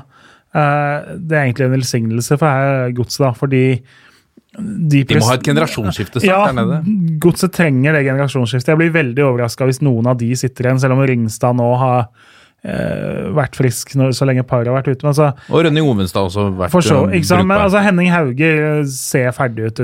Der. Lars Sætra Monir Hamoud er på siste verset. Det uh, skal skje mye i høst for at de blir med videre, da. Uh, ville bedt agenten sjekke andre klubber hvis jeg var en av de. Og så er spørsmålet hva, hva skjer med Markus Pedersen? Han har ikke de beste kortene på hånden nå for en ny forhandling. Nei, nå har jo han ofte på en måte vært i gode forhandlingsposisjoner ofte kommet billig, da, og derav kunne få bedre kontrakter for seg selv. Eh, nå er han skada, nå har han gjort et inngrep som gjør at han er ute en måneds tid. Eh, har vært litt utenom sportslig tull, han har knapt vært på banen. Når han har vært på banen, har han ikke vært god i år. Eh, for han så hadde det vært bedre å forhandle om ny kontrakt sist sommer, sånn sett i ettertid. Eh, I ettertid burde jo han eh, gjort det sist sommer. Eh, men altså, han han blir 30 neste år. Han sitter ikke på all verden liksom, av attraktivitet, men at noen kommer til å hente han hvis han er klubbløs. Det er jo selvsagt, men I Norge? ja, det tror jeg. Uh, du, hvis, du, hvis du skal velge en, en annen klubb da, som han passer inn i, sånn som det er, eh, ser ut nå Nei, altså, han blir jo altså, Så lenge du på en måte er litt sånn utenomsportslige ting, og du har levert dårlig og er på så Du blir jo en form for B-vare, da. Eh, Det er de klubba som ikke har råd til å kjempe om de beste spillerne, som må ta den sjansen. Men altså, hvis du sier f.eks. Stabæk må ofte operere i det markedet, da. Eh, At Stabæk kan vurdere på en måte det som attraktivt nok. Mm. Eh, si Lillestrøm, si Tromsø. Altså, noen av de klubba på en måte tenker at ok, det, han var, var ikke god i 2019. Det har vært litt mye tamt og fjas. Trenger kanskje en ny eh, start. men så lenge han aksepterer på en måte våre lønnsvilkår osv., så, videre, så er han bedre enn andre vi får tak i. Ja. Eh, Noen vil jo lande på den vurderinga til slutt. Det var vel et par lag i førstevisjon også som kunne Ja, høyst sannsynlig. på. Kan hende en tur til, hjem til Hamar hadde vært det han trengte, selv om det nok sitter langt unna. Men ja. Uh, altså, noen av de mest spennende spillerne som er på den lista, er altså Slatko Tripic. Er jo god for Viking. Mm. Eh, har ikke vært så god kanskje som han hadde håpa på, men han er jo god. Eh, han er kanskje deres på en måte fremste stjerne. Eh, I hvert fall av de som har vist litt over tid, da. Eh, Jon Helge Tveita i uh, Sarpsborg ble jeg overraska om ikke mange klubber har lyst på. Eh, en god back som kan spille på begge sider, og som nå er gratis. Eh, jeg blir overraska hvis ikke Rosenborg er veldig på ball der, f.eks. Ja. Eh, De har Vegard Eggen Hedenstad, som underpresterer og ikke er god. De har Birger Meling, som de forhåpentlig, eller som de nok ser for seg å kunne selge. De har knapt dekning i det hele tatt bak de to. Eh, Jeg er nesten sjokkert hvis ikke Stig Inge Bjørneby har Tveita veldig høyt opp på sin liste. Med, altså med tanke på kvalitet, alder og tilgjengelighet og hva Rosenborg trenger, så er det eh, nesten perfekt match for dem, eh, mener jeg, da. ja. Så som sagt det, det, Uten å vite noe som helst der, men altså Det gir så mening at man At jeg blir veldig overraska hvis ikke det eh, kommer et tilbud fra Trondheim for han, da. Ja. I Oslo så er Vålerenga har kun én mann, og det er meksikanske Efrain Juárez, som vi hørte var ønsket av Var det Cruz Azul, eller? I, meksikanske toppserien? Krusedull som ønska han faktisk. Ah, ja. Eh, ja, det kan vel stemme. Altså, han uh, er jo på det stadiet av karrieren at ettårskontrakt på en måte var det meste han kunne få her. da. Ja. Han møtte vel noe. Ronny Deila på et kjøpesenter uh, på ferie? Ja, eh, han gjorde vel det. Så altså, tilfeldighetene her i verden kan være være det. men at uh, han har ikke vært så god at man på en måte kaster seg over pennen, vil jeg tro. Eh, spesielt med tanke på alderen hans, da. Uh, så da, han er vel en av de man kanskje sitter på gjerdet med, skulle man tro. Eh, ja. Apropos spillere på vei ut i sitt siste Eller i sitt siste eh, kontraktsår. Vito Wormgård eh, ryktes at han nå er i forhandlinger eh, med Brann, kapteinen. De har vel store forhåpninger der for å få signa han opp. ja, men det, der handler det litt om altså, lønn. Ja. Han sitter med gode kort på BT han, skrev vel i den saken at uh, han har, ifølge ligninga, så har det stått 3,25 millioner i skattbar inntekt på han de to siste årene. Ja. Eh, det er vel grunn til å anta at det kommer fra det han gjør i Brann. Uh, Ja, men mindre han har en, Eh, eh, jobb på si. ja, han ser jo ut som en altså, Han ser jo Han kunne jo vært dørvakt på altså, jeg, hadde ikke kødda med han hvis Nei. han hadde sagt at du skulle ta deg en runde rundt eh, kvartalet før du fikk eh, stille deg i kø. Så hadde du jo sagt ja, det skal jeg gjøre. Eh, men for dem så handler det jo da om lønnsstruktur, og de har henta mye dyre spillere. og Wormor, fantastisk for dem nå i to og en halv sesong, men går jo mot slutten av karrieren, da. Uh, Så kan han forsvinne i sommer? Kina? Ja, jeg, jeg tenker jo kanskje først og fremst hjem til Nederland. At det er vel det han har hinta om at han kanskje vil. Men mm. uh, for Brann nå så handler det om å på en måte få ned lønna og kanskje ikke signere mer enn en toårskontrakt med han. da. Uh, Og så har de jo egen Rismark i bakhånd der ikke også. sant? Så jeg, de vil jo beholde han, men ikke for enhver pris. Og sannsynligvis en litt lavere pris enn det de betaler per i dag. Mm. Uh, og det er jo veldig få spillere som har lyst til å gå ned i lønn, og veldig få mennesker for øvrig òg. Så Det viser seg. det, vi- ja, merkelig det der. Uh, så jeg tror ikke det er noe sånn at det kommer noen løsning i nær framtid. For Brann så må de jo på en måte begynne å tenke Altså, de tenker jo garantert på plan B og C der allerede. Ja. En av planene er- heter vel Rismark, og så er det en plan som da er å, å hente noen andre. Måte. Og så har du en svenske, Jesper Løvgren, som har eh, som er en annen, eh, en annen stopper, som nå er på vei eh, bort. Ja, han var ute i hvert fall og sa litt i media at han var overraska og litt misfornøyd med å ikke ha fått sjansen. Eh, Henta fra nivå tre i Sverige og kommer til en klubb som har tre veldig gode stoppere. Så eh, for alle utenifra så er det jo ikke sjokkerende at han ikke har fått spille for dem i serien. Men Nei. alle spillere mener jo at de er gode nok for å spille selv, og mener de fortjener å få sjansen. Eh, men det er bare ikke alle som kanskje sier det så åpent i media, da. Nei. Eh, etter såpass kort tid. Så eh, ja. Litt overraskende at han går ut og sier det, men eh, han skjønner jo på en måte at spillere vil spille, da. Nå er han rykta til eh, Viking eller Nessotra. I Ja, Nessotra var så får han jo kanskje eh, beina fort ned på jorda, i hvert fall. Ja, De var i hvert fall veldig ute etter den nå før sesongen, og så ja, om det skjer noe nå, det får tiden vise. Eh, han, ikke, han kan jo ikke lånes ut nå, sånn som eh, Det kom jo denne nye regelen denne sesongen, at spillere mellom 18 og 22 år eh, kan lånes ut hele året. Eh, men det gjelder norske spillere. Han er svensk, så Ja. han kan ikke lånes ut. Han må bli i Brann uh, fram til 1. august. Eventuelt gå til en klubb i et annet land, da. Men uh, ja, sannsynligvis så er han Brann-spiller i hvert fall fram til 1. august. Ja. Uh, det, de som derimot har blitt lånt ut, er jo Viking. har jo vært, uh, Viking og Tromsdalen har vært aktive. Uh, ser ut som Tromsdalen nesten er farmer-klubben til Viking, sånn som han kunne ha på uh, Football Manager og sånn. Så kunne du ha liksom, klubber knytta til som du kunne sende spillere på lån til. Mm. Eh, de sendte jo Lasse Berg Johnsen og Harald Nilsen Tangen til Tromsdalen. Debuterte da i tennissettet mot uh, Raufoss, hvor de tapte 4-6. Eh, Berg Johnsen skåra? Berg Johnsen skårte. Eh, han ble jo eh, Var det klubben eller var det som kalte han Jonas Berg Johnsen her på, i en eh, treningskamp eh, før sesongen? Så det, det var jo meget overraskende da man så den startoppstillinga. Mm.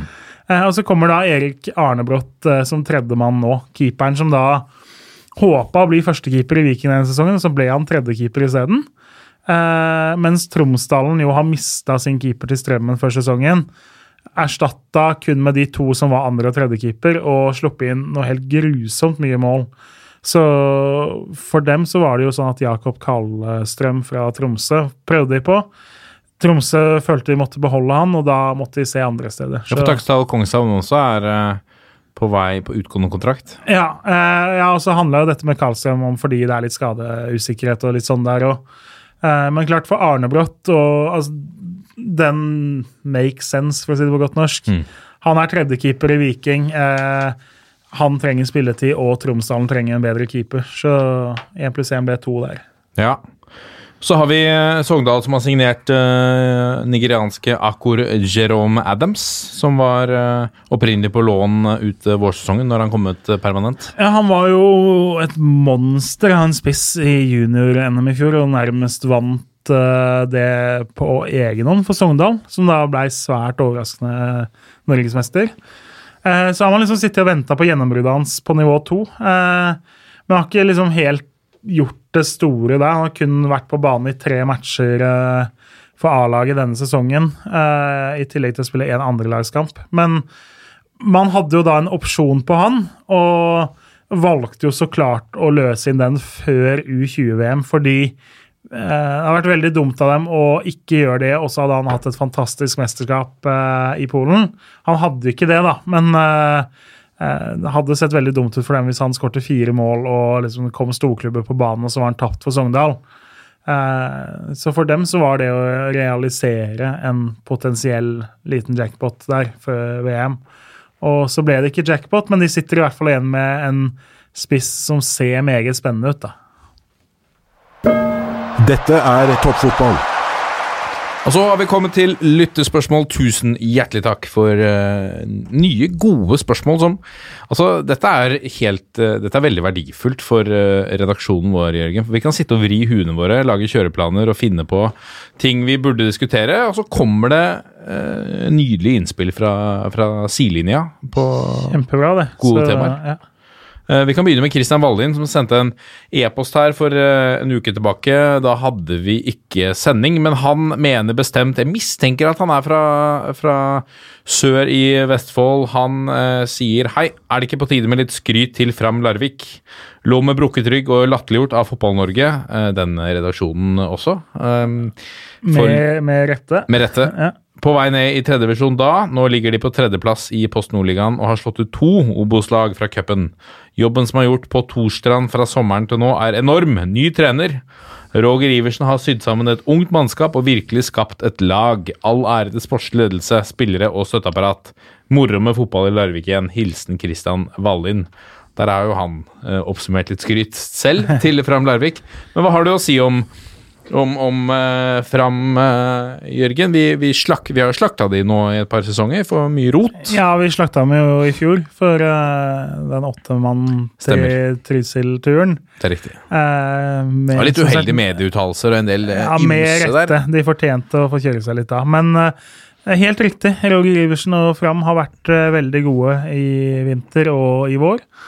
Eh, har henta masse unge spillere fra større klubber som ikke har nådd opp der. Eh, kan ta, altså Arnar Gudjonsson kommer fra Godset. Filip Aukland har, var på lån vel i, Arn, nei, i Jerv i Arendal i fjor.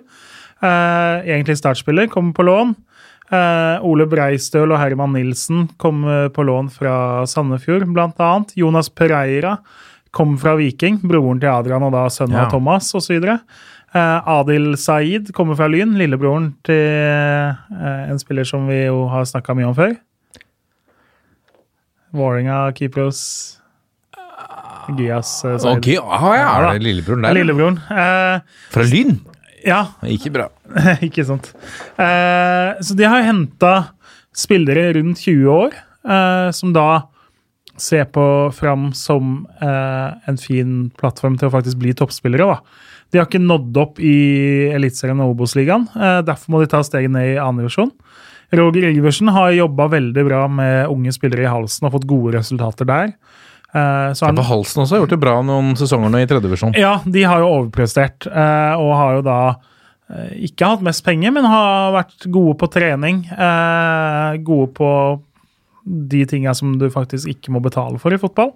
Og det har han jo da tydelig overført til eh, storebror i Larvik fotball. I hvert fall Det er gøy å se, må vi si. i hvert fall sånn som ting er nå, så er det jo storebror i fotballen der. Eh, ja, og så klart det er mye morsommere å se et lag med unge, sultne spillere gjøre det bra, enn sånn som de har hatt. Altså, de har jo hatt noen som har kommet innom og eh, spilt fordi de har fått veldig godt betalt i Larvik, og av eh, hovedsponsor der, eh, Abax, de siste sesongene. Og så har de reist videre etter ett år. og eh, Noen av de her kommer sikkert til å reise videre òg, men da kommer de til å ha sett på fram som en god eh, plattform for å ta steg i karrieren. da.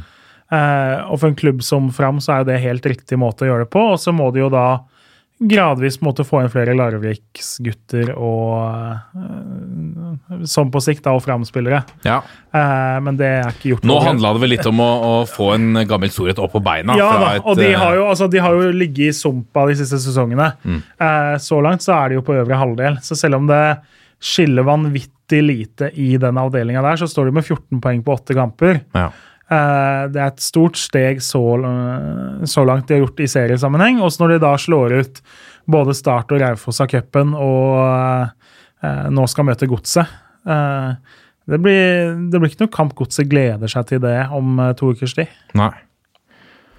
Vi går videre til et spørsmål fra Benjamin Sears, og dette som han eh, har døpt om til Minigate. Eh, Det gjelder jo eh, vi, vi går inn i et mesterskap nå med, med våre landslagskvinner, og i den anledning, må vi vel kunne si, så har eh, Mini skapt litt furore på, Mini Jacobsen skapt litt furore på Twitter, hvor han går ut og sier at han kritiserer likelønnsordningen til Fotballforbundet, hvor landslagsherrene, landslagskvinnene, nå får like mye betalt. Det var vel i 2017 så gikk herrene med på å redusere sine honorar, slik at eh, landslagskvinner skulle få like mye betalt som herrene. Og det har han jo fått eh, eh, Har han jo fått eh, kraftig eh, kritikk for akkurat det utspillet. Svein Graff sa vel at eh, det er en eh, Han var litt overrasket over at Mini Jacobsen har en slik eh, gubbete holdning.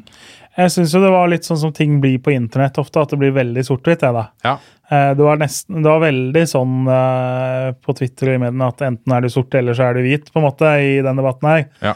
Eh, nyansene forsvinner veldig ofte i internettdebatter, og det kan man jo til høyeste grad si her òg. Og jeg syns jo Det er litt overraskende at det kommer nå. Det kommer jo ut av at uh, NIF, uh, Niso. NISO NIFS, NIFS, Nifs. NIFS, NIFS, er, NIFS er en nydelig side. Den må man bruke hvis man skal ha tabeller og resultater. Norsk og internasjonal fotballstatistikk. Yes. Ja. eh, NISO som tvitra at nå er det vedtatt at den likelønnsgreia skulle videreføres. Eh, og så svarte jo Mini med en eh, tweet om det, som var ganske bastant og kanskje mangla litt innsikt.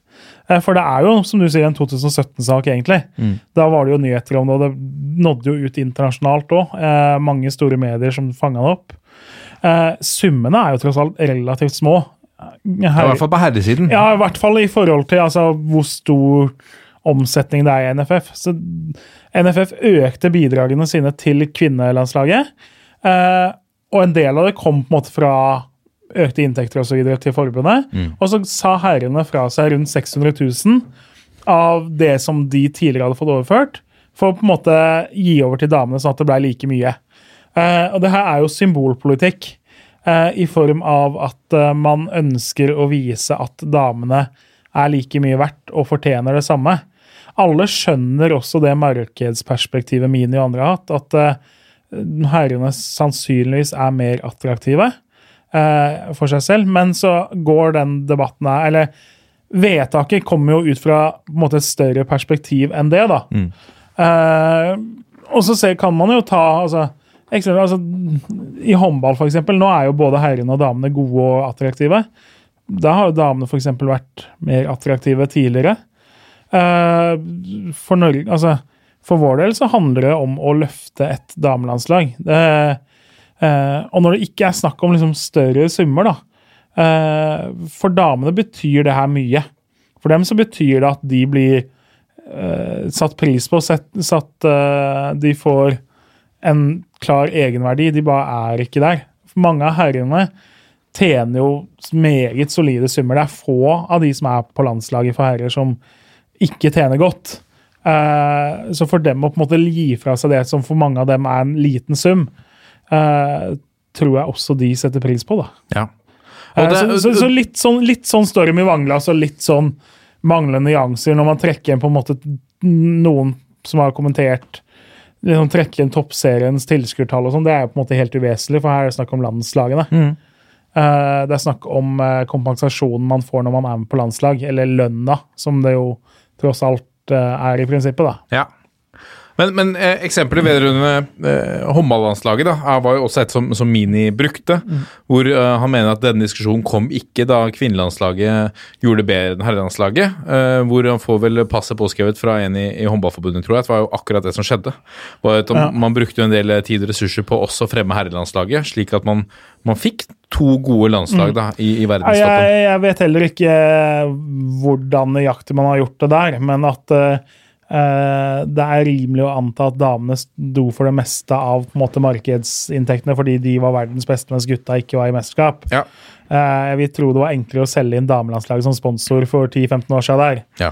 Eh, så, så ja. Eh, Og så mener jeg, eh, Det som slår meg når eh, du, du snakker om med, altså litt manglende innsikt da. Jeg syns jo det er eh, merkelig historieløst eh, utsagn eh, på mange måter. fordi at hvis du, hvis du kun ser på markedet her, da, kun ser på dagens marked for, for eh, kvinnefotballen, så må vi se på hvem er som har hatt ansvar for å skape dagens marked for, for eh, kvinnefotballen i Norge. Det har vært Norges Fotballforbund. Nå er vel ansvaret flyttet over til norsk toppfotball, og så har også Norsk Tipping kommet inn og gjort en stor varv med tanke på å flytte fokus fra fra elitefotball eh, for herrer ned til, altså til, til både breddefotball, men også til på, fotball på kvinnesiden. I tillegg så har Obos kommet inn og, og spyttet inn penger etter at øh, Var det ikke eh, markedsansvaret for landslaget og toppserien ble flyttet Eller for toppserien ble flyttet til øh, norsk toppfotball, mener jeg bestemt. Ja, stemmer vel det. Og så genererte de plutselig 100 millioner på noen måneders arbeid eh, på et objekt som Norges Fotballforbund ikke klarte å selge. Eh, vi snakker om et forbund som har rota bort VM-pokalen fra 1995. altså, eh, Dette er forbundet vårt som har forvaltet rettighetene og hatt ansvar for at norsk kvinnefotball skal bygges opp. Og Da må vi kunne si at det skulle bare mangle om ikke man skal bøte litt på den skaden som jeg mener de har gjort da, i så mange år Uh, med et sånt tiltak som dette her. Og Det er derfor jeg mener Jeg syns det var uvant historieløst fra, fra Mini Jacobsen. Det er jo unyansert. Ja, uh... Merkelig uttalelse. Ja, også, som, sagt, altså, Debatten er jo halvannet år på overtid, eller to år. For det er jo, Ja, ja. nyheten er jo snart to år gammel, egentlig. Ja. Eh, men sånn er altså, ja. Alle, alle får ikke med seg alt, så kan man si. da. Nei, men, men Og én ting er å, å trekke likestillingsdebatten inn i dette, men det, dette handler også om å se hvem som har hatt ansvar for å bygge opp dette produktet. De har jo, eh, etter min eh, oppriktige mening, vanskjøtt det produktet i mange, mange år. Eh, og da er det helt naturlig at de er nødt til å være med og bøte på denne skaden. Jeg syns egentlig vi skulle brukt de pengene på å fjerne bomringene. Da. Er, det ikke sånn? er, ikke det, er, ikke, er ikke det dagens Å, eh, Ikke, ikke trekk bomringer vi skal, her! vi skal ikke bli sånn. Det, Dette er ikke det en var- Det var et forsøk på å være dagsaktuell, men uh, ja. Ikke du også. Beklager Ikke du til alle som er både for, mot og nøytrale til bomringer. Vi Ja. skal ikke nevne mer. Jeg så en nå som har fått bom, eh, bomstasjonen helt inn på balkongen. Ja, den var ny. Det var, Johan, nå sklir vi fryktelig ut av norsk ball, men Ja, ja, ja. eh, det var, jo, var vel på Torshov, så er i nærheten av Skeidbanen. Så da er vi eh, Dekket det. Nydelig nyhetssak. Det, åh, det, er, det er en kjempesak når du får lage den nyheten der. Ja. Uh, åh, det, Ikke still oss spørsmål om bom, vi har ikke peiling på det. Vi eh, tror at vi har peiling eh, og kan gi et, et, et svar på neste spørsmål. Eh, vi har i hvert fall meninger knyttet til dette. Kenneth André Sørensen lurer på nå som Stefan Johansen er mer usikker angående spilletid, bør ledelsen velge en kaptein som er mer fast i laget, eller beholde kapteinen sin på benken? For det er knallhard kamp om plassene på midtbanen, Jørgen, og Johansen er ikke selvskreven lenger. ja. Nei, altså I dag, onsdag, på pressekonferansen, så fikk jo Lars Lagerbäck et spørsmål om det at Stefan Johansen er jo kaptein, har vært vraka og bytta ut ofte og sånn. Uh, han svarte jo da noe sånn som at uh, Stefan behandles som alle andre på laget, uansett om han er kaptein, og det er det beste laget som spiller. Noe annet kan man jo ikke si. Men uh, det er jo på en måte Det her har vi jo snakka om før. altså Man vil jo ha en kaptein som spiller. Eh, og Stefan Johansen er jo Men hvor noe- viktig er det egentlig at kapteinen spiller? Du har jo en kaptein som alltid spiller. I no, ja, men altså i, I noen lag så betyr det mye å ha den ledertypen, og noen er så naturlige kapteiner at eh, de er født med kapteinspinnet på armen. Der er jo ikke Stefan Johansen. Eh, og Derfor mener jo jeg at det er, bør være naturlig å bytte han ut. Eh, og så er man vel der på at av de som på en måte er sikre på laget, da, hvem Jo da, man, altså Kristoffer Ayer er en framtidig landslagskaptein. Han er ung, da. Eh, men så kan man jo si at Ajax har en rekordung midtstopper som sin kaptein. Hvorfor kan ikke Norge ha det? Eh, Og var han ikke kaptein i start? Han var 17 jo, ikke, 16, ja, ikke sant? Han eh, hadde vel så vidt lov til å kjøre moped eh, da han var kaptein der. Så eh, det er jo en naturlig mann på sikt, da. Eh, fordi liksom av de andre som er fast, så Håvard Nordtveit for så vidt, men han er jo ikke akkurat Det er ikke Rune Bratseth som kaptein, det heller, liksom. Eh, Nei, så har jo han også vært litt inn og ut. ja. Omar El Abdelawi er jo i det kapteinsteamet Ja. sammen med Jarstein, vel. Ja, Jarstein er jo skadd nå. ikke sant? Det hadde kanskje altså, vært et mer naturlig valg, men siden han nå er ute, så ødelegges jo det argumentet ganske godt. da. Men kan det ikke være et bra signal nå å, å øh, gi bindet videre til Kristoffer Ayer, da? Som øh, jo har en øh, sterk posisjon også i Skottland. Jo, jeg, jeg tror, altså Det skjer jo ikke noe nå, men hvis Stefan Johansen blir sittende på benken i to kamper nå, eh, så tenker jo jeg kanskje at det spørsmålet her blir i hvert fall enda mer aktuelt. Han kommer til å Eh, spille for. Norge i 15 år til. Kristoffer Ayer. Ja, ikke sant? Eh, nei, det blir jo interessant å se på midtbanen nå. Nå er jo altså Kantplassene Kantplassen er jo tydeligvis åpne. Nå har Sander Berge har jo flydd rundt på venstrekanten på et par treninger nå, så da er det jo tydeligvis free Så, for sånn, all. lik, eh, sånn liker jeg ikke. Jeg liker Nei, ikke eh, Jeg får Per Siljan Skjelbrei-vibber av det. Ja, eh, helt enig. Men det, sånn er det nå. Ja. Eh, og hvor mye det betyr med en kaptein. Eh, så lenge det ikke er liksom en naturlig general uansett, da, så tror jeg ikke det har all verden å si. Nei. Jeg hører du sier det. Vi går eh, videre til et, eh, et eh, nytt spørsmål fra Kenneth Sørensen. Han lurer på hvorfor spilles det breddefotball samtidig som landskamp? Burde ikke NFF lagt dette bedre til rette, eller er det klubbene som vil ha det slik? Da er det vel kanskje kretsene, hvis du tenker Ja, det handler stort sett så Altså, det enkle eller nå er jo alt NFF, selvfølgelig. det enkle svaret er jo banekapasitet. Ja. Skulle man droppa å spille breddekamper klokka kvart over åtte nå på fredag, så vil man ha eh, problemer med å finne plass til de kampene. Da må de spilles på et tidspunkt som frarøver en gjeng med 12-13-åringer eh, ene treninga si i uka, rett og slett. Eh, de aller fleste stedene i Norge hvor det bor en del mennesker, så er det eh, knapphet på banetid. Eh, da må man spille samtidig som det er både Champions League og landskamper og cupkamper og alt mulig annet. Eh, det er alltid synd. og nå, altså Ting krasjer jo. Jeg så nå Ullkisa var jo ute og omtrent ba rektorer i Jessheim-området om å droppe skoleavslutninger, fordi eh, mange av skolene har jo da siste skoledag eh, onsdag 19. Onsdag 19. klokka fem så møter de Rosenborg til storkamp i cupen, og frykter jo da at eh, er sommeravslutninger med fjerde klasse som går i veien. Så har Det går jo ikke. Vi må ta ansvar opp på Jessheim der. ja, altså De har fått aksept nå av ordføreren til at uh, de som vil på kamp, får dra på kamp fordi avslutninger er ikke obligatorisk. Så Sterkt. Oi, gyldig fravær gitt ja, av er, ordfører. det er ikke fravær engang, fordi altså, avslutninger utafor skoletid er ikke obligatorisk. Så. Ja, så det kan bli glissen på skolen oppe på Jessheim der. Det kan hende det blir noen skoleavslutninger som er vraka. Jeg håper altså eh, Det er jo kanskje største kampen Ullkisa har spilt, i hvert fall sånn med tanke på motstandere og sånn. Så jeg skjønner jo at fotballgærne, både 12- og 50-åringer fra SM, har lyst til å se den kampen. Ja. Uh, ungene i fjerde klasse skal gå i femte klasse, og det kommer en sommeravslutning da òg. Det kommer juleavslutning òg. Noen steder kommer påskeavslutning, og det kommer karneval. og Men det er lenge til Rosenborg kommer tilbake. Det er nettopp det. Det kommer sannsynligvis en ny sommeravslutning før Rosenborg kommer tilbake.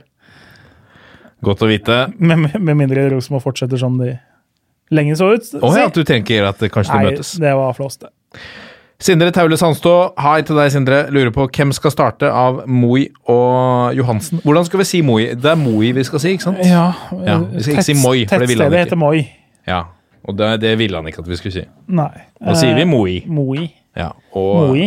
Johansen. Ja, Johansen er ganske lett. Den er grei. Den, den får vi til. Ja.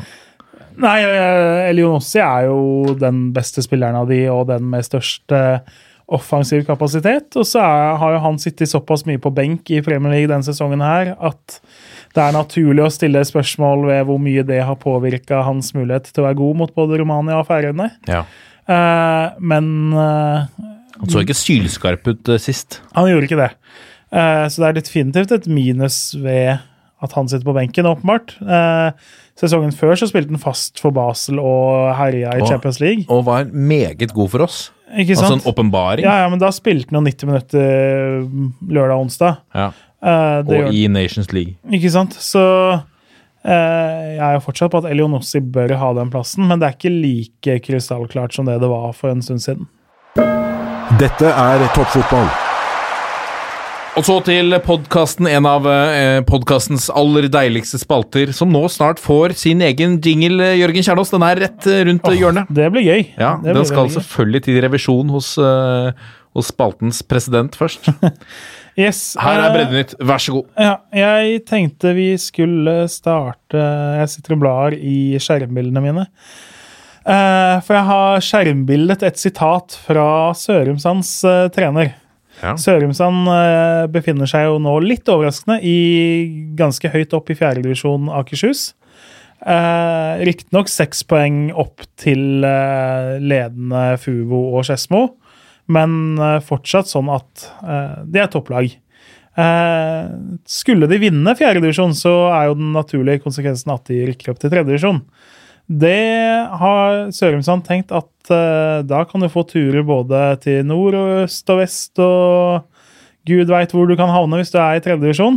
Uh, Sørumsand vil ikke rykke opp. Nei. Styret i klubben vil ikke rykke opp. Treneren uttaler derfor til Romerikes Blad Dersom vi ser at vi må tape noen kamper for å ikke være med helt i toppen, kommer vi til å gjøre det. Det er synd at det er slik, men sånn blir det. Ja. Sitat slutt. Det er ikke lov. Det er et ganske oppsiktsvekkende sitat, syns jeg. Han sier rett ut vi kommer til å tape kamper med vilje i stedet for å rykke opp. Eh, vi har jo snakka før om at vi skjønner veldig godt at klubber ikke vil opp fordi det koster mer enn det smaker, og du frykter 750 000 i reiseutgifter og en halv spillerstall som slutter fordi Uh, en helg uh, borte mot Lysekloster og en ny helg borte mot Ørsta er ikke noe du har lyst på. Nei.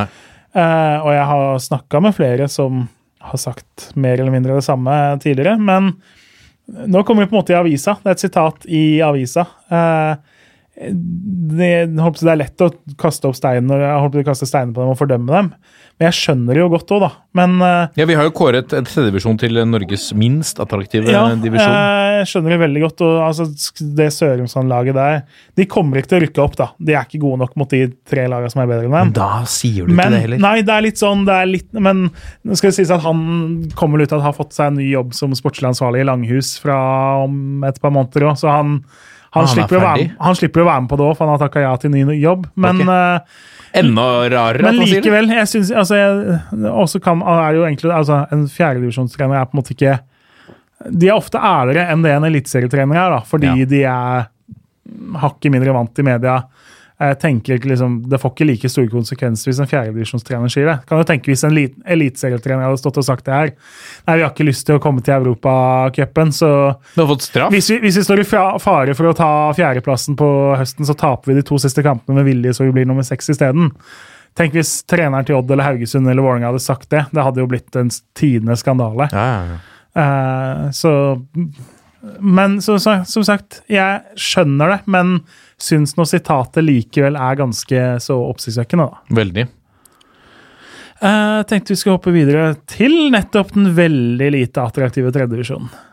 Ja. Eh, Lokomotiv eh, Oslo syns derimot at det er en ganske attraktiv divisjon, siden de befinner seg i den og har berga plassen med glans de siste sesongene. Og nå til og med gjør det ganske så flott. Og det var jo opprinnelig et kompislag. Ja, det er jo en gjeng fra Sunnmøre, egentlig. Eh, så ofte at habile sunnmøringer som flytter til Oslo og har lyst til å fortsette å spille fotball, havner ofte der, da. Mm. Fordi det er, altså, da kjenner du noen som spiller her fra før av. sånn, Så du går jo heller til på en måte en klubb hvor du kjenner 2, 3, 4, 5, 6 fra før av, enn å gå til en av de normale klubbene, da. Men nå er det fortsatt mye summeringer der. Ja, det er fortsatt uh, et bra innslag med det, og så er det spillere fra andre steder også, klart. Men mye innflyttere, da.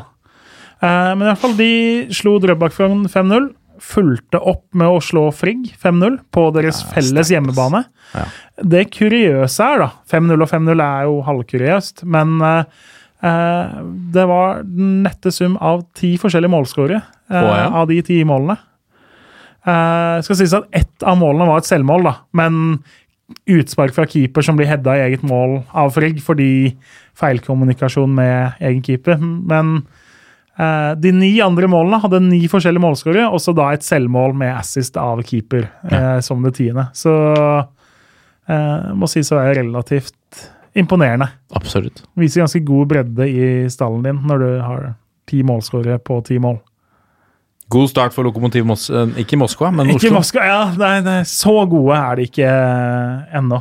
Eh, tenkte vi skulle ta med en ting. Vi hopper oppover. Hopper til annendivisjon. Mm. Nå er vi jo grensen av breddefotballen, men likevel. Eh, kanskje over grensa. Eh, Åsane Grorud endte 2-3. Toppkamp i annendivisjon.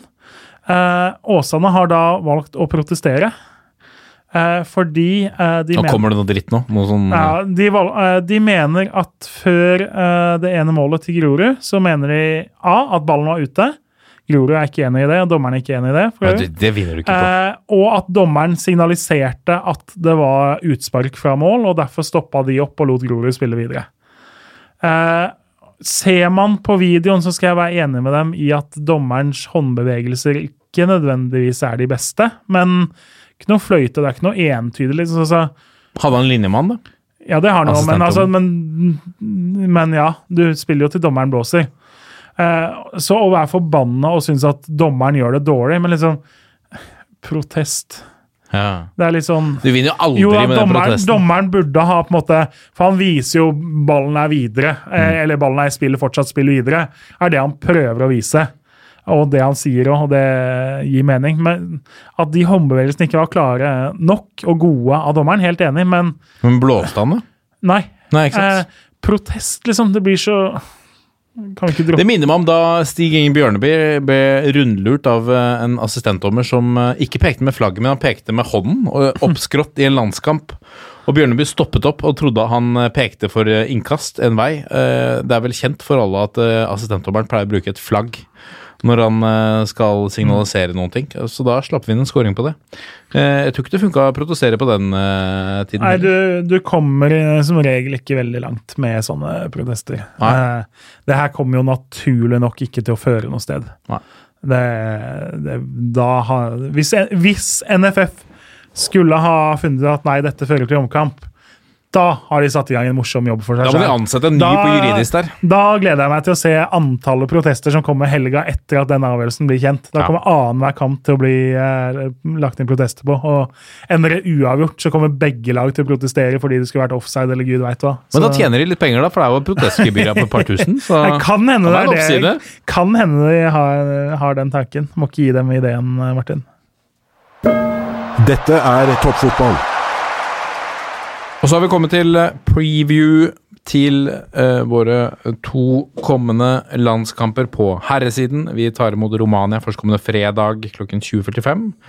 Og deretter reiser vi til eh, Torshavn og spiller mot Færøyene mandag 10. ju- juni. Også den begynner klokken 20.45. Ja, Jørgen Kjernås. uh, dette er seks poeng.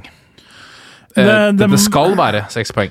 Eh, Skal håpet leve, så må det høyst sannsynlig være det. Eh, nå tapte vi jo egentlig to poeng i forhold til gå videre-skjema, med tanke på at det ble uavgjort mot eh, Sverige. Ja. Eh, da har vi ikke råd til å avgi poeng mot Romania, eh, hjemme i hvert fall. Og Færøyene er nødt til å være tre poeng hjemme og borte. Og det eh, Selv om Færøyene jo er bedre enn 50 000 innbyggere og veldig mange flere sjauer eh, skulle tilsi at de er, så eh, vil det være veldig overraskende om noen av topplagene gir, eh, gir fra seg poeng til de. Eh, Færøyene og Malta er ganske klart jumboer i denne avdelinga her. Ja. Men eh, eh, Romania først, og det er jo Lars Lagerbäck har jo betegna dem litt sånn eh, Det er ikke noen liksom, store outstanding spillere, selv om sønnen til Haji nå er med i troppen og kanskje spiller. Haji. Eh, så er det et lag som eh, ligger da trolig De venter seg eh, en 4-1-4-1-variant eller 4-5-1 klassisk, sånn som Norge har spilt før, hvis du vil kalle det det. Ja. Eh, et godt, kompakt lag, og de eh, Peri har jo prøvd å lære opp eh, norske journalister med på en måte å komme med disse powerpoint-presentasjonene sine av hva vi kan vente oss. Eh, man har ikke akkurat lagt fram noe som tyder på at det blir noe fest eh, på Ullevål, da. Eh, det er veldig lett å se for seg to eh, lag som tar liten risiko og første mål og vinner i de kampene her, for å si det sånn. Fysisk eh, match eh, ser det ut til å bli, kanskje. Ja. Eh, men det er så, altså jeg så siste tallet jeg så, var i går, tror jeg. Da tror jeg jeg så noe om 17 000 og noe solgte billetter. Så det, og, og at langsidene var utsolgt. Så eh, eh, det blir bra med mennesker. Eh, det gjør det. Eh, men uh, mål tror jeg det blir uh, ikke altfor mange av. Nei, vi kan jo si litt om om det rumenske laget. For de, jeg vil tippe for de fleste norske supportere så er det ikke så veldig mange kjente navn. De har på topp Pushkas Puskas i Palermo, en midtbane sannsynligvis, i hvert fall hvis det er utgangspunktet i laget som spilte mot Sverige, så er det fra venstre Mitrata uh, Nei, Mitrita, unnskyld, spiller i New York City. Så er det Stanchiu, som spiller i Al-Ali, som blir identifisert av eh, vår, vår landslagssjef som en spiller som er ganske sentral i, i angrepsspillet. som vandrer mye rundt en, en halvveis fri rolle, kan det se ut som. Eh, ved sin side har han eh, Marin, som spiller i Standard Liège, og uh, Chipshew eh, på høyre kant, som er Uh, i, uh, i Sparta Praha, uh, 26-åringen. Eh, som anker så brukte de en, en 19-åring som spiller i Viltorul, eh, Baluta, og så har de en firer eh, bak, da, med utelukkende spillere fra den rumenske eh, Eliteserien. Eh, I mål så har de 33 år gamle Tatarusanu Rusanu i eh, Nant. Eh, omtaler eh, Altså, rumenske laget omtales som altså, Spesielt spissene, da, som er eh, eh, Nå spilte de bare med én eh, sist, men, men det snakkes om at dette er altså ikke de store fotballmessige ferdighetene, eh, hardtarbeidende, eh, som, som eh, resten av laget. Et fysisk eh, sterkt eh, lag. Eh, meget skuddvillige. Eh, mye spillere som skyter fra distanse. Både fra 20 og 30 meter, sa Per Johan Hansen. Eh, mye folk i boks. uh, gode og satser på Det kan se ut som de nesten satser på skudd fra distanse og sender inn masse folk på retur. Interessant taktikk når du ikke ligger uh, Jeg synes Det er snedig å se sånne type grep når du ikke er blant de fremste nasjonene i Europa. Så må du finne andre ting å, å spille på. Det prøver, Den koden prøver Romania å knekke. Bruker, eller ønsker å bruke bekkene en del i angrepsspillet. Her må vi her må vi være uh, påpasselige uh, og være på fra, fra første spark. Det har vi ikke alltid vært. Um, uh, ellers så, så for vår egen del Vi går vel ut fra at vi går ut i en 4-4-2 på, på Ullevål på fredag. Ja, det er ganske sikkert. Og det, det er liten tvil om hvem som starter på topp òg, tror jeg. Eh, altså, Absolutt. Tariq Elionossi er i storform, og King Toppskårer i Sverige, Tariq. Ja. Eh, fått en rolle i AIK, fått en partner som han trives godt med der. Eh, Joshua King ble meldt å være i fin form nå i dag på onsdagens trening. Det har jo vært litt sånn skadeusikkerhet rundt han, men ser nå ut til å være helt klar for kamp. Så det spissparet er helt klokkeklart, så lenge ingen av dem blir skada eller sy- syke. Eh, det som jo er mest interessante, nesten, er keeperduellen. Ja. Og det er det lenge siden det har vært på landslaget. Rune Jarstein har jo vært førstekeeper ekstremt lenge. eh, og så er det Nyland som hadde sjansen da Jarstein var litt eh, down for noen år siden. Mm. og så, med Jarstein skadd, så er det jo da åpenbart Grytebuss til André Hansen som kjemper om plassen nå. Og André Hansen som jo da eh, har takka nei tidligere til å være med på dette landslaget. og Eh, men nå er tilbake fordi det er mulighet til å være førstekeeper. Og det er litt av avtalen han har hatt. Og så er det da Grytebuss som har hatt en god sesong i Danmark og skal til FC København. Så selv med veldig gode Jarstein ute, så har vi jo faktisk en god keeperduell. Eh, tidligere så har det jo vært Det er ikke så veldig mange år siden vi hadde hatt den minst dårlige sto i mål.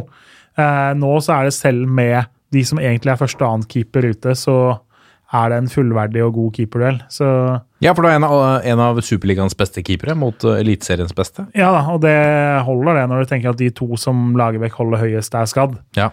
Eh, så skal vi ikke klage på at det er da nummer tre og fire. Før så hadde det vært keeperen til Porsche og keeperen til Uredd omtrent som kjempa. Så det eh, Nei da, jeg er ikke bekymra der. Men det, det blir et veldig interessant valg. Også litt sånn der André Hansen, hvis han kommer inn, da, tross alt, som har takka nei til å være med som tredje keeper. Mm. det er jo ikke sikkert alle de andre keeperne med landslagsambisjoner digger det. Jeg tror ikke Steng Rutebuss syns det er superstilig å ha flydd rundt og vært tredjekeeper i et par år, og så kommer da plutselig André Hansen tilbake og tar keeperplassen. Men det er toppfotball, og det er landslagsfotball. Da velges de som er best, og de som gir oss størst sjanse til å vinne. Det er, Alle får saft. Eh, hadde det vært gutter åtte, og Sten var på alle treningene, og André bare kom på e- kamp uten å ha vært på trening på to år, Typisk så kunne man skjønt at André ikke fikk spille like mye som Sten. Ja. Eh, men eh, på landslaget så står den beste. Ja. Eh, Sten, du får stålsette deg. Uh, det, er, det er jo en uh, tøff konkurrent. Jeg, jeg syns det er vanskelig å si Det er veldig enkelt for oss som sitter her på Bjerget da, å, å si André Hansen, fordi vi har sett han i storslag for Rosenborg. Han redda de i, eh, altså, i store deler av fjorårssesongen. Og fordi vi ikke ser så mye Superliga. de som har sett mye dansk Superliga, Uh, har har hørt Flere av de har en knapp på Sten Grytbuss som har stått fantastisk der nede. Det er en grunn til at noe er hentet også. Eh, jeg synes Det er interessant å se også, vi, vi snakket om litt i sted, om, eh, om eh, midtbanekonstellasjonen. De fire der. Nå er uh, Sander Berge tilbake til skade. Uh, jeg er litt usikker på Også Ole Selnes har vært god på landslaget. Har startet fantastisk for klubblaget, som er i den kinesiske li ligaen som han jo også selv har innrømmet ikke er uh, Altså, det er kanskje hakket lavere enn eh, kanskje også den norske ligaen, eller? Ja, det vil jeg tro. Eh, eh, klart, de har noen veldig ekstreme spillere som har veldig ekstreme CV-er, og så eh, totalen likevel er jo ikke all verden. Men det er eh, absolutt en interessant duell der, og to ganske ulike spillertyper, da. Så eh, jeg tror det handler Så lenge begge to er i god nok kampform, så handler det om hvilken spillertype du mener at du trenger, da. Ja. Eh, og, eh, og så har jo som sagt altså, Berge har vært ute på kanten på noen treninger nå. Det har vært litt forklart med at man eh, Man har jo tross alt mange som trives best i midten på, i troppen. da. Eh, kanskje et signal også om at Berge ikke er en av de to som er tenkt til å starte, tenker jeg da.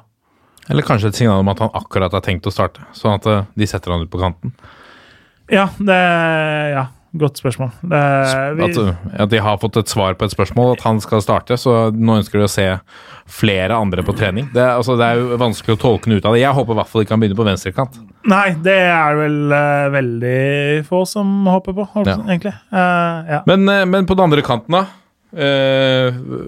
Martin Ødegaard har vært sylskarp i, i, i æresdivisjonen og kåret til Fitesses eh, beste spiller eh, i år. Nå venter det større muligheter. Han må vel spille, eller? sjokkerende hvis ikke han starter på veldig mange måter. Eh, han kommer til å starte, og han kommer til å være nøkkelen til å gjøre det bra. Og I hvert fall hvis dette blir et sånn tett oppgjør mot, som, som det blir mot Romania, men også mot Færøyene. hvor- Som er et Færøyene er et bananskall. Ja. Eh, Færøyene borte, og, det er, eh, og der trenger du en boksåpner. Jeg ser for meg et lag som ligger dypt og lavt, som vi er nødt til å åpne opp. Ja da. eh, han kommer til å starte begge kampene med mindre det er noe eh, Rusk. fysiske eh, årsaker som gjør at han ikke er kampklar. Eh, og så håper jeg han jo er på banen fram til kampene er avgjort. Eh, jeg håper ikke han blir bytta ut så lenge det er spenning om hvor seieren ender. Ser du for deg et, eh, et innbytte her fra Bjørn Mars på et tidspunkt hvor eh, vi kan slite litt i, i Romanias eh, stoppere? Han eh, kommer høyst sannsynlig til å være eh, en potensiell joker der, ja. Det sier seg selv. Uh, han tilbringer jo laget råskap og duellkraft som trengs ofte hvis det skal avgjøres på slutten, da. Så eh, scenarioet at Tariq skal løpe seg tom i 65 minutter, 70 minutter, og så skal eh, Bjørn inn og krige på topp der, er jo veldig sannsynlig. og Utakknemlig jobb som stopper.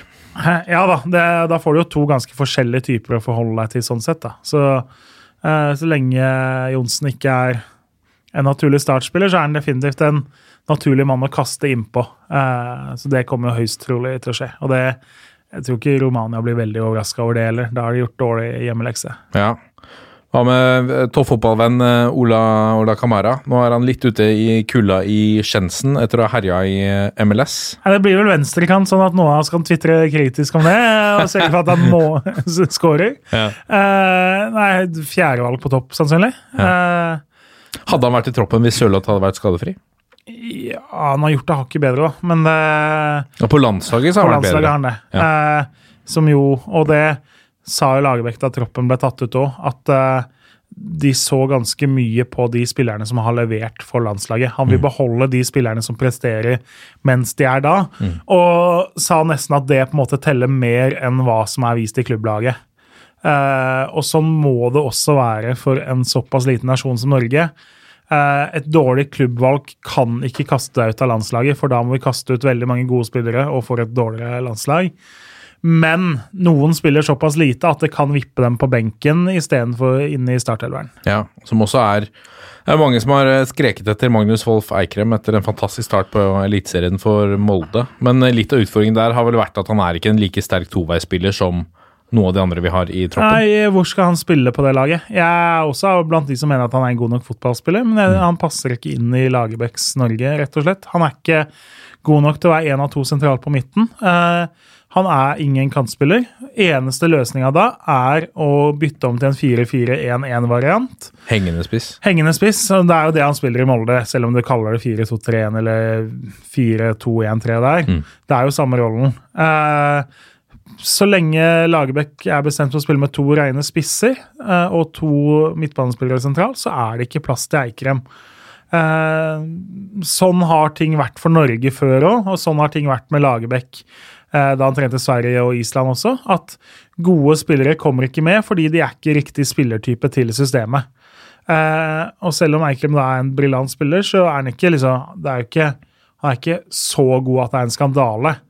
Eh, han er mer enn god nok til å forsvare en plass i troppen, men man skjønner veldig godt argumentene for hvorfor ikke. Ja, Så har på en måte Ødegaard vært litt unntaket, da. For det er heller ikke en spiller Ja, som er Nei, men han, har, han er tross alt eh, på, på en egen hylle og er spiller Har vist at han er en god nok toveisspiller i den rollen nå, da.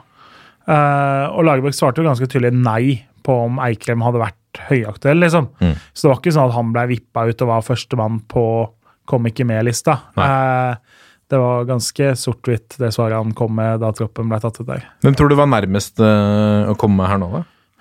Nei, si det. Fredrik Gulbrandsen, kanskje? Ja, Det var vel snakket om litt også. Kanskje. Eh, så stoppa jo eh, U20-VM stoppa jo Haaland-spekulasjoner, egentlig, da, vil jeg tro. Tror De kommer vel til å komme nå. Vi, altså, nå er det jo er sesongen ferdig der nede, men, men eh, Til høsten, ja. Mm. Uh, åpenbart. Og så, så lenge Bjørn June Mars Johnsen spiller veldig lite Nå ymta han frampå om at han ønsker seg et klubbbytte igjen. Mm. Det er jo blitt en sommertradisjon for han eh, siste Ja. ti åra. han er glad i å reise, den gutten. han, han, så det blir vel et nytt land nytt lag. En herlig type Bjørn Mars. Ja da, altså Per nå så er det jo Joshua King kommer jo med. Eh, så har Tariq vært god, og Kamara og Mars har på en måte fått sine plass. Men ingen av de som da sitter trygt hvis Haaland begynner å få spilletid og mål for Salzburg, så er han inne Mm. for den av de som da på det tidspunktet ser mest uh, mulig å ofre ut. da. Ja. Uh, Og Tariq også trekker på, trekker på årene. 31 nå vil eh, Tariq skal i ny kontraktsforhandling med, med AIK. Eh, ja da, altså det er åpenbart at han heller lever ikke For evigheten. Nei, det, det gjør ingen av oss, dessverre. Eller heldigvis. eh, Ut fra hvordan, hvordan man ser på livet. Det blir Eh, seint. Ja, nå er det. Nå må vi slutte. Nei, nei. Eh, men klart, eh, neste Etter, E- etter EM, da, Ja. så er han 32. Eh, kanskje tenker han at nok er nok selv. Og så er det jo Da har vi jo en annen landslagssjef enn Lars Lagerbäck også, så Ikke så Solbakken, så jeg. Nei, nei eh, Så Tariq kommer til å være med i høst. Eh, kommer sannsynligvis eller fort til å være med hvis vi må spille sånn Nations League-kvall for å komme oss til EM. Og så, Han blir med til EM. Også, Ja, og hvis vi kommer dit, da. Eh, Han blir med til EM. det, men du får ikke Det lukter vel at Tariq kanskje ikke er med når vi er 15-16 måneder fram i tid. 17-18 Ja. måneder frem i tid. Da tror jeg nok han er fort ute. Må gjøre det nå, Tariq. Må score. Så kommer til oss, kommer til sluttspill. Ordner seg, se. Fy faen, nå, nå drar vi fram dårlig dialekt. Ja, han, har, eh, han sa jo det nå. Nå har han eh, to muligheter. Altså han, eh, han må Fredrikstad må komme seg opp i divisjonene, så han kan ja. komme tilbake og spille litt. Og så må han ha et mesterskap for Norge. Ja, ja, men tenk, altså, tenk så jævla legende han hadde blitt hvis han eh, spiller EM for Norge, da, og så velger han å gå til Fredrikstad høsten 2020 og skyter dem opp i førstedivisjon igjen. Eller Eller, eller skyter dem opp i Eliteserien. Tenk legendestatusen han får da. Ja, ja, ja. Han, altså, han har jo vært rundt om og opplevd ting og altså Spilt i store derbyer og spilt i steder hvor de betaler OK og og gjort det fint i Rosenborg osv. Altså, tenk for en deilig avslutning på karrieren. da. Fantastisk. Det, det, må jo, altså, det er jo mye lettere å komme hjem til Fredrikstad og kunne skyte dem opp, enn at de liksom kjemper ned i bunnen av Eliteserien, som de fort kunne ha gjort i scenen. da. Ja. Eh, der hvor de egentlig bør være. Eh, det må være en nydelig avslutning. Jeg, jeg tror han er frista på det. Jeg, Ja. jeg tror nok det er et scenario han har i huet. Drømmescenario. Ja, men jeg kan jo skjønne at han ikke vil fra annen, men hvis de rykker opp da, og kommer tilbake og spiller førstedivisjon for dem, det tror jeg er høyst mulig. Ja. Vi må runde av, Jørgen. Det har vært en, en, en, en glede, som alltid. Uh, og vi har spennende kamper foran oss. Uh, først så er det Romania som venter på fredag uh, på Ullevål, og så er det VM-sluttspill i Frankrike for landslagskvinnene, som eh, møter Nigeria på lørdag klokken 20.45. Eh, nå er det spennende ting, viktig for norsk landslagsfotball. Eh, viktige kamper som venter oss. Ja, det Altså, de to kampene setter jo tonen. Det er jo seks kamper vi skal spille i høst òg. Eh, taper vi for Romania, og så henger vi oss så bakpå at entusiasmen dør litt. Ja. Skulle vi til NRL ta de seks forhåpede poengene, så lever de jo skikkelig før de tre dobbeltkampene til høsten. Og da Enkeltås har jo nå booka seg tur til Stockholm for å se Sverige i Norge, og det er jævlig kjedelig hvis, eh, hvis Sverige på en måte kan skyte seg mot EM der vi bare er ute av dansen. Så det For min del så syns jeg Norge skal gjøre det bra nå. Ja. For eh, alles del, må vi kunne si. Hvis de ikke har hatt lyst til å gjøre alt fra før, så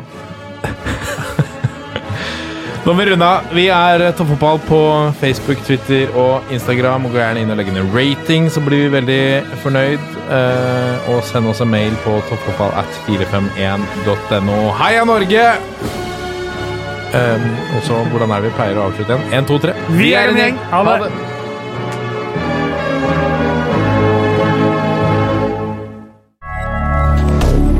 Moderne media.